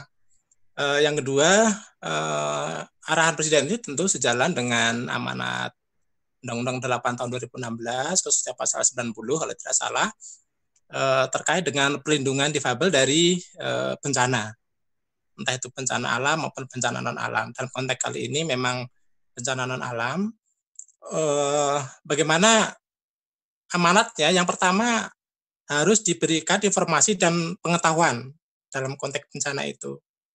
Nah, tadi eh, Surya sudah sampaikan eh, untuk teman-teman tuli eh, hambatannya seperti apa, tetapi eh, tadi sudah ada solusi dari Mas Budi Dharma tadi eh, dari Panggung Harjo tadi itu keren. Jadi ketika ada relawan desa yang mencoba menjembatani eh, teman-teman sebagian dari teman-teman difabel itu sulit menangkap uh, informasi yang sifatnya konseptual. Jadi kalau uh, ada informasi yang sifatnya visual uh, untuk teman-teman tuli, untuk teman-teman intelektual, untuk teman-teman difabel autistik itu memang apa akan sangat membantu informasi yang uh, visual itu. Uh, jadi uh, tantangannya pemerintah desa adalah memastikan apakah informasi-informasi yang menurut penelitian Mas Joni tadi 70 eh, persen kalau nggak salah tadi ya, itu informasinya ada, tetapi memang belum akses, belum dipahami. Gitu. Dan ini menjadi apa uh, rekomendasi selanjutnya ya, supaya nanti di tingkat desa uh, sistem informasi desa itu juga memastikan kawan-kawan uh, difabel desa itu ragamnya apa dan kepastian membeli informasi atau pemahaman atau pengetahuan itu apa. Eh, lalu di pasal 90 itu juga uh, diamanatkan bahwa difabel itu berhak mendapatkan fasilitas yang dibutuhkan ya. Misalnya tadi apakah ruang isolasi itu sudah mengantisipasi ketika nanti ada ODP atau PDP yang difabel itu sudah uh, apa menyiapkan aksesnya seperti apa. Kemudian jadi tentang SOP isolasi mandiri seperti apa. Nah, kemudian mendapatkan uh, prioritas. Nah, uh, apa ya tadi yang disampaikan uh, ya Mbak Tela dan Mbak Dian tadi memang uh, sepertinya tidak secara spesifik uh, memotret apakah teman-teman difabel uh, tadi sudah uh, mendapatkan prioritas, uh, tapi bahasanya tadi afirmasi. Ya, saya pikir hampir sama, tetapi memang uh, dari banyak laporan yang masuk uh, apa dari berbagai daerah itu atau sharing-sharing di lewat WA group itu teman-teman memang belum mendapatkan apa uh, prioritas ya tantangannya ada tadi ada uh, beberapa kesadaran keberibaan informasi keragaman itu belum dipahami yang berikutnya adalah tentang data segregasi atau data pilah ini untuk kawan-kawan dari Kemendes ini kan KPK juga mengeluarkan surat edaran uh, pertengahan April yang lalu Eh, bahwa penerima bansos di tingkat dari pusat ada delapan, salah satunya BLT desa ini, itu kan harus masuk ke DTKS, data terpadu kesejahteraan sosial. Dan salah satu mekanismenya kan disepakati lewat Musdes. Sementara dalam konteks PSBB itu apa eh, kan tidak boleh kumpul ya. Nah, apakah Musdes dalam konteks eh, virtual itu sudah sudah pernah eh, dimonitor seperti apa untuk menyepakati bahwa kelompok rentan kelompok prioritas yang terdampak COVID-19 di desa itu supaya dimasukkan ke DTKS ke dinas sosial setempat mekanisme musdus musdes secara virtual atau seperti apa yang memang uh, sudah sudah uh, dimonitor ya oleh Kemendes uh, itu uh, tentang data karena uh, kalau tidak masuk DTKS uh, itu uh, menurut KPK nanti bisa menjadi masalah uh, kemudian hari. Nah, kemudian juga yang berikutnya uh, tentang BLT desa, uh, menurut apa jenis-jenis uh, bansos di dari pemerintah. Memang BLT desa ini kalau bahasanya Mas Joni tadi menjadi komplementer ya, artinya uh, banyak teman-teman uh, temuan Mbak Tela dan Mbak Dian juga sebagian bahkan sebagian besar ada laporan itu teman-teman belum masuk di TKS. Eh, artinya BLT desa ini menjadi eh, harapan terakhir gitu ya kira-kira untuk teman-teman uh, difabel terutama di yang tinggal di desa. Nah, uh, sementara apa uh, ada keharusan untuk masuk ke DTKS sementara teman-teman apa harus uh, di bagian uh, untuk menjadi DTKS itu harus di uh, Musdus. Nah ini uh, dalam terkait dengan itu adalah siapa yang yang uh, apa relawan desa kah atau organisasi difabel kah yang yang mengawal Musdus itu itu memang menjadi uh, tantangan kita atau menjadi harapan kita supaya uh, BLT desa itu nanti juga uh, menyentuh teman-teman difabel tadi hanya baru enam persen ya kalau nggak salah 6,3 persen kalau nggak salah tadi hasil penelitian uh, dari Mbak Tela dan Mbak Dian tadi. Semoga nanti ke depannya dengan hasil dari uh, web kursi kita ini nanti akan makin banyak desa. Yang terakhir yang ingin kita sampaikan adalah uh, banyak juga laporan teman-teman uh, difabel di desa-desa itu sebenarnya masih uh, bisa produktif dan hmm. beberapa waktu lalu juga uh, ada web kusi bahwa teman-teman difabel itu menjadi justru menjadi uh, sumber daya, menjadi uh, aktor yang memberi kira-kira begitu. Nah, uh, dana desa juga bukan hanya BLT desa, tetapi ada semacam untuk menghidupkan ekonomi desa atau stimulasi ekonomi desa. Nah, banyak sekali teman-teman uh, difabel yang sebetulnya punya produk uh, bisa uh, membuat sesuatu, tetapi memang kesulitan menjual. Ya, misalnya ada yang membuat masker, ada yang membuat masker kain ya maksud saya, ada yang membuat makanan, ada yang membuat keterampilan tertentu, tetapi memang kesulitan e, menjual. Nah ini e, dana desa juga saya pikir bukan hanya BLT desa, tapi e, stimulasi ekonomi e, itu juga bisa menyentuh atau bisa e, apa menggerakkan ekonomi teman-teman difabel di desa. Mohon maaf agak, agak banyak. Terima kasih. Itu saja yang saya sampaikan.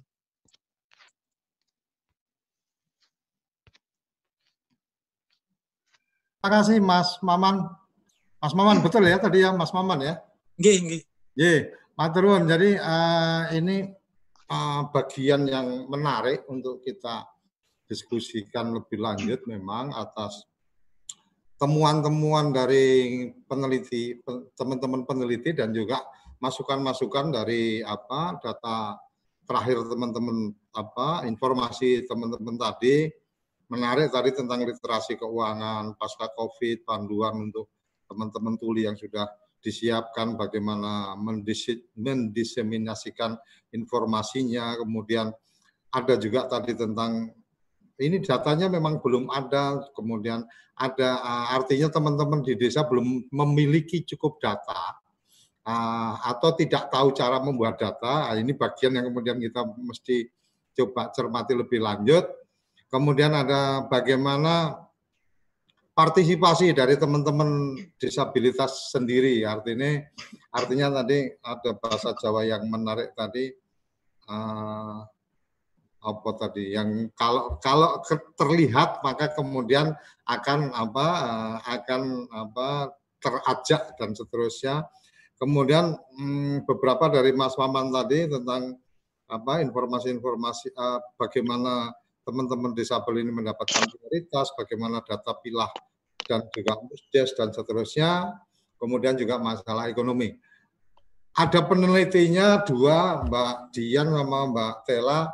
Silakan Mbak Dian atau Mbak Tela ingin memberikan apa uh, komentarnya dulu dan seterusnya karena kita cuma tinggal punya waktu dua menit untuk live apa uh, di uh, channel kita. Terus terang memang kami membatasi ini satu jam atau dua jam karena dua jam berarti untuk dua episode nanti kita tayangan live kita di channel YouTube ya. Tapi untuk tayangan kita memang per uh, satu jam. Dan ini masih ada apa dua menit. Selesai ini masih kita bisa ngobrol di uh, Zoom silahkan. Tapi uh, saya nanti melakukan closing acara dulu baru mungkin bisa dilanjutkan di ngobrol di uh, Zoom dan alhamdulillah saya pantau partisipan tadi uh, mulai menit ke 10 atau ke 11 kalau nggak salah tadi udah full 100 terus baru uh, last minute ini udah mulai turun-turun tapi ini sudah masih di angka 89 jadi menurut saya luar biasa sama forum kita ini. Silakan Tela atau Dian ingin memberikan apa uh, komentarnya atau closing statement untuk acara live kita nanti selesai ini masih boleh dilanjut di Zoom. Silakan. Tela atau Dian, silakan. Sudah saya buka. Ya, uh, pertama mungkin dari saya dulu nanti bisa ditambahkan. Ya, silakan. Mungkin Mbak Dian akan mengomentari ada beberapa pertanyaan di live chat uh, YouTube yang sudah kami uh, lihat gitu. Nanti Mbak Dian boleh tanggapi secara umum dari situ. Kalau uh, saya menanggapi dari teman-teman uh, yang tadi sudah memberikan masukan dan juga memberikan pertanyaan buat kami. Terima kasih banyak. Uh, buat Surya, uh, saya tertarik sekali dengan literasi keuangan gitu karena memang uh, mungkin tidak spesifik di kajian kami yang uh, tentang disabilitas ini, tetapi di kajian kami sebelumnya uh, yang berjudul tantangan dan permasalahan uh, BLT dana desa yang sempat juga di poin desa sebelumnya, Pak.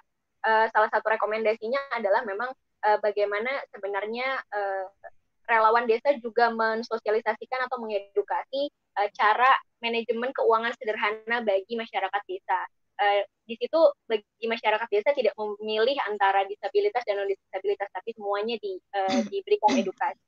Kenapa? Karena kita menyadari bahwa uh, BLT dana desa itu hanya berlangsungnya tiga bulan, Pak. Tapi kan kebutuhan orang itu akan terus berlanjut gitu dan kita tidak sampai sekarang kita tidak tahu kapan pandemi ini akan berakhir sehingga dari 600 ribu yang diterima tiap bulan memang harus ada yang uh, disisihkan sedikit untuk bisa mengamankan uh, kehidupan mereka setelah bulan Juni nanti sudah tidak uh, setelah bulan Juli nanti sudah tidak ada BLT lagi.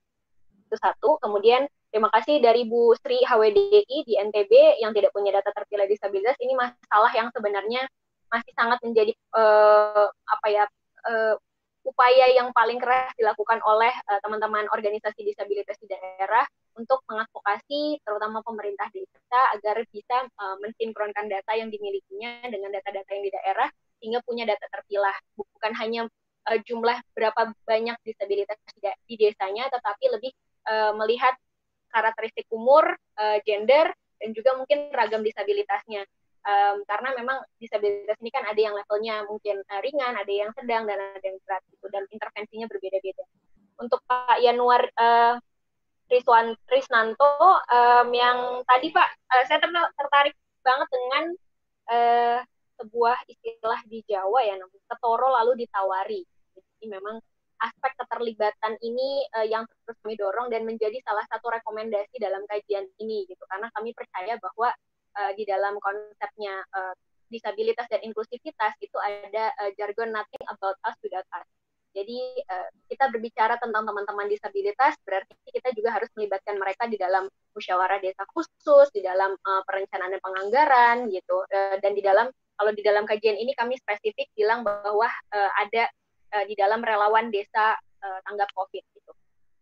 Kemudian untuk Pak uh, Sunarman Sukamto, terima kasih. Pak Maman ini adalah uh, rekan saya sejak dulu untuk bicara isu disabilitas. Beliau di um, dan pemberdayaan ekonomi ini juga menjadi salah satu uh, isu yang sangat penting gitu. Karena kalau tadi dikaitkan dengan PKTD gitu ya spesifik untuk desa gitu. PKTD biasanya kan membangun jembatan uh, membangun membangun desa secara infrastruktur lah gitu. Tetapi di masa pandemi ini banyak kebutuhan-kebutuhan baik dari sisi medis yang sebenarnya bisa dibuat oleh uh, teman-teman disabilitas di desa salah satunya masker kain makanya tadi di dalam uh, rekomendasi kami yang kelima ada fleksibilitas dana desa supaya sebenarnya uh, PKTD itu tidak hanya dibatasi untuk pembangunan infrastruktur fisik tetapi juga uh, melengkapi kebutuhan-kebutuhan medis dalam pencegahan uh, COVID-19.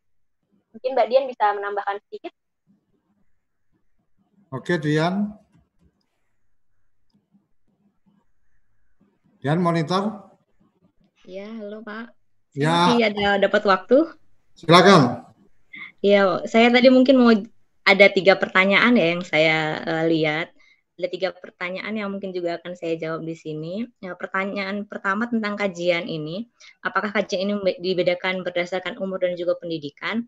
Uh, sebenarnya kajian ini kita merekap data umur dari penyandang disabilitas baik di bawah usia 50 tahun maupun di atas 50 tahun.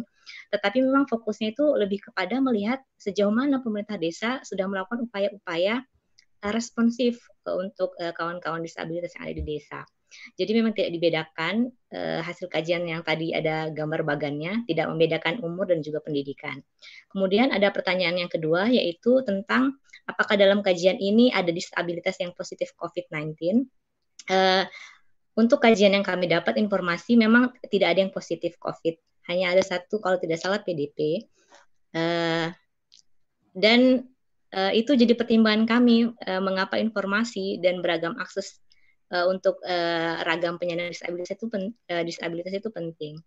Kemudian pertanyaan ketiga dari Ibu Suryanti, uh, apakah penyandang disabilitas intelektual juga masuk dalam respon kajian ini? Ya, betul. Uh, beberapa desa uh, di daerah Jawa, uh, Yogyakarta dan juga Jawa Tengah itu uh, adalah salah satu responden juga uh, dan dia termasuk penyandang disabilitas intelektual. Sekian Pak Koco. Oke, terima kasih. Kemudian uh, uh, kepoin desa hari ini luar biasa karena memang ini spesial. Jadi kita buka apa meeting Zoom-nya, kita buka, kita ajak partisipasi teman-teman. Dan alhamdulillah limit kita 100, hari ini full 100. Belum ada ide untuk kita tambah, tapi kita masih pengen di 100 karena kalau nggak bisa masuk ke yang 100 berarti kan bisa nonton channel YouTube-nya TV Desa. Jadi teman-teman jangan lupa support TV Desa untuk bisa memberikan informasi-informasi terbaik untuk desa. Like, subscribe, share uh, uh, channel kami. Kami ada di uh, YouTube TV Desa atau at my TV Desa, di Instagram dan di Twitter juga Facebook kami uh, TV Desa. Insya Allah dalam waktu dekat kita juga akan ada apa eh, live di Instagramnya. Cukup sekian saya pikir untuk uh, kepoin desa hari ini. Terima kasih untuk teman-teman yang sudah mensupport acara ini secara khusus untuk teman-teman Puslitbang yang luar biasa memberikan supportnya karena memang secara rondan acara saya yang apa diminta untuk menutup uh, kita akhiri sampai di sini, tapi selesai acara ini di teman-teman Zoom masih bisa uh, berlanjut dengan sesi obrolan-obrolan yang lain. Silakan nanti apa uh, saya bantu untuk moderasi. Saya tutup dulu acara di channel kita TV Desa di Kepoin Desa sampai ketemu di uh, episode spesial berikutnya. Episode reguler kita ada di setiap hari pukul 10 sampai 11 dan besok uh, ada Budiman Mas Budiman Sujatmiko jam 10 sampai 11 akan berbagi cerita tentang inovator 4.0 uh, lanjutan dari apa yang sudah dikerjakan dengan melahirkan undang-undang desa. Sampai di sini salam bahagia kerabat desa seluruh Indonesia. Sampai jumpa di episode berikutnya.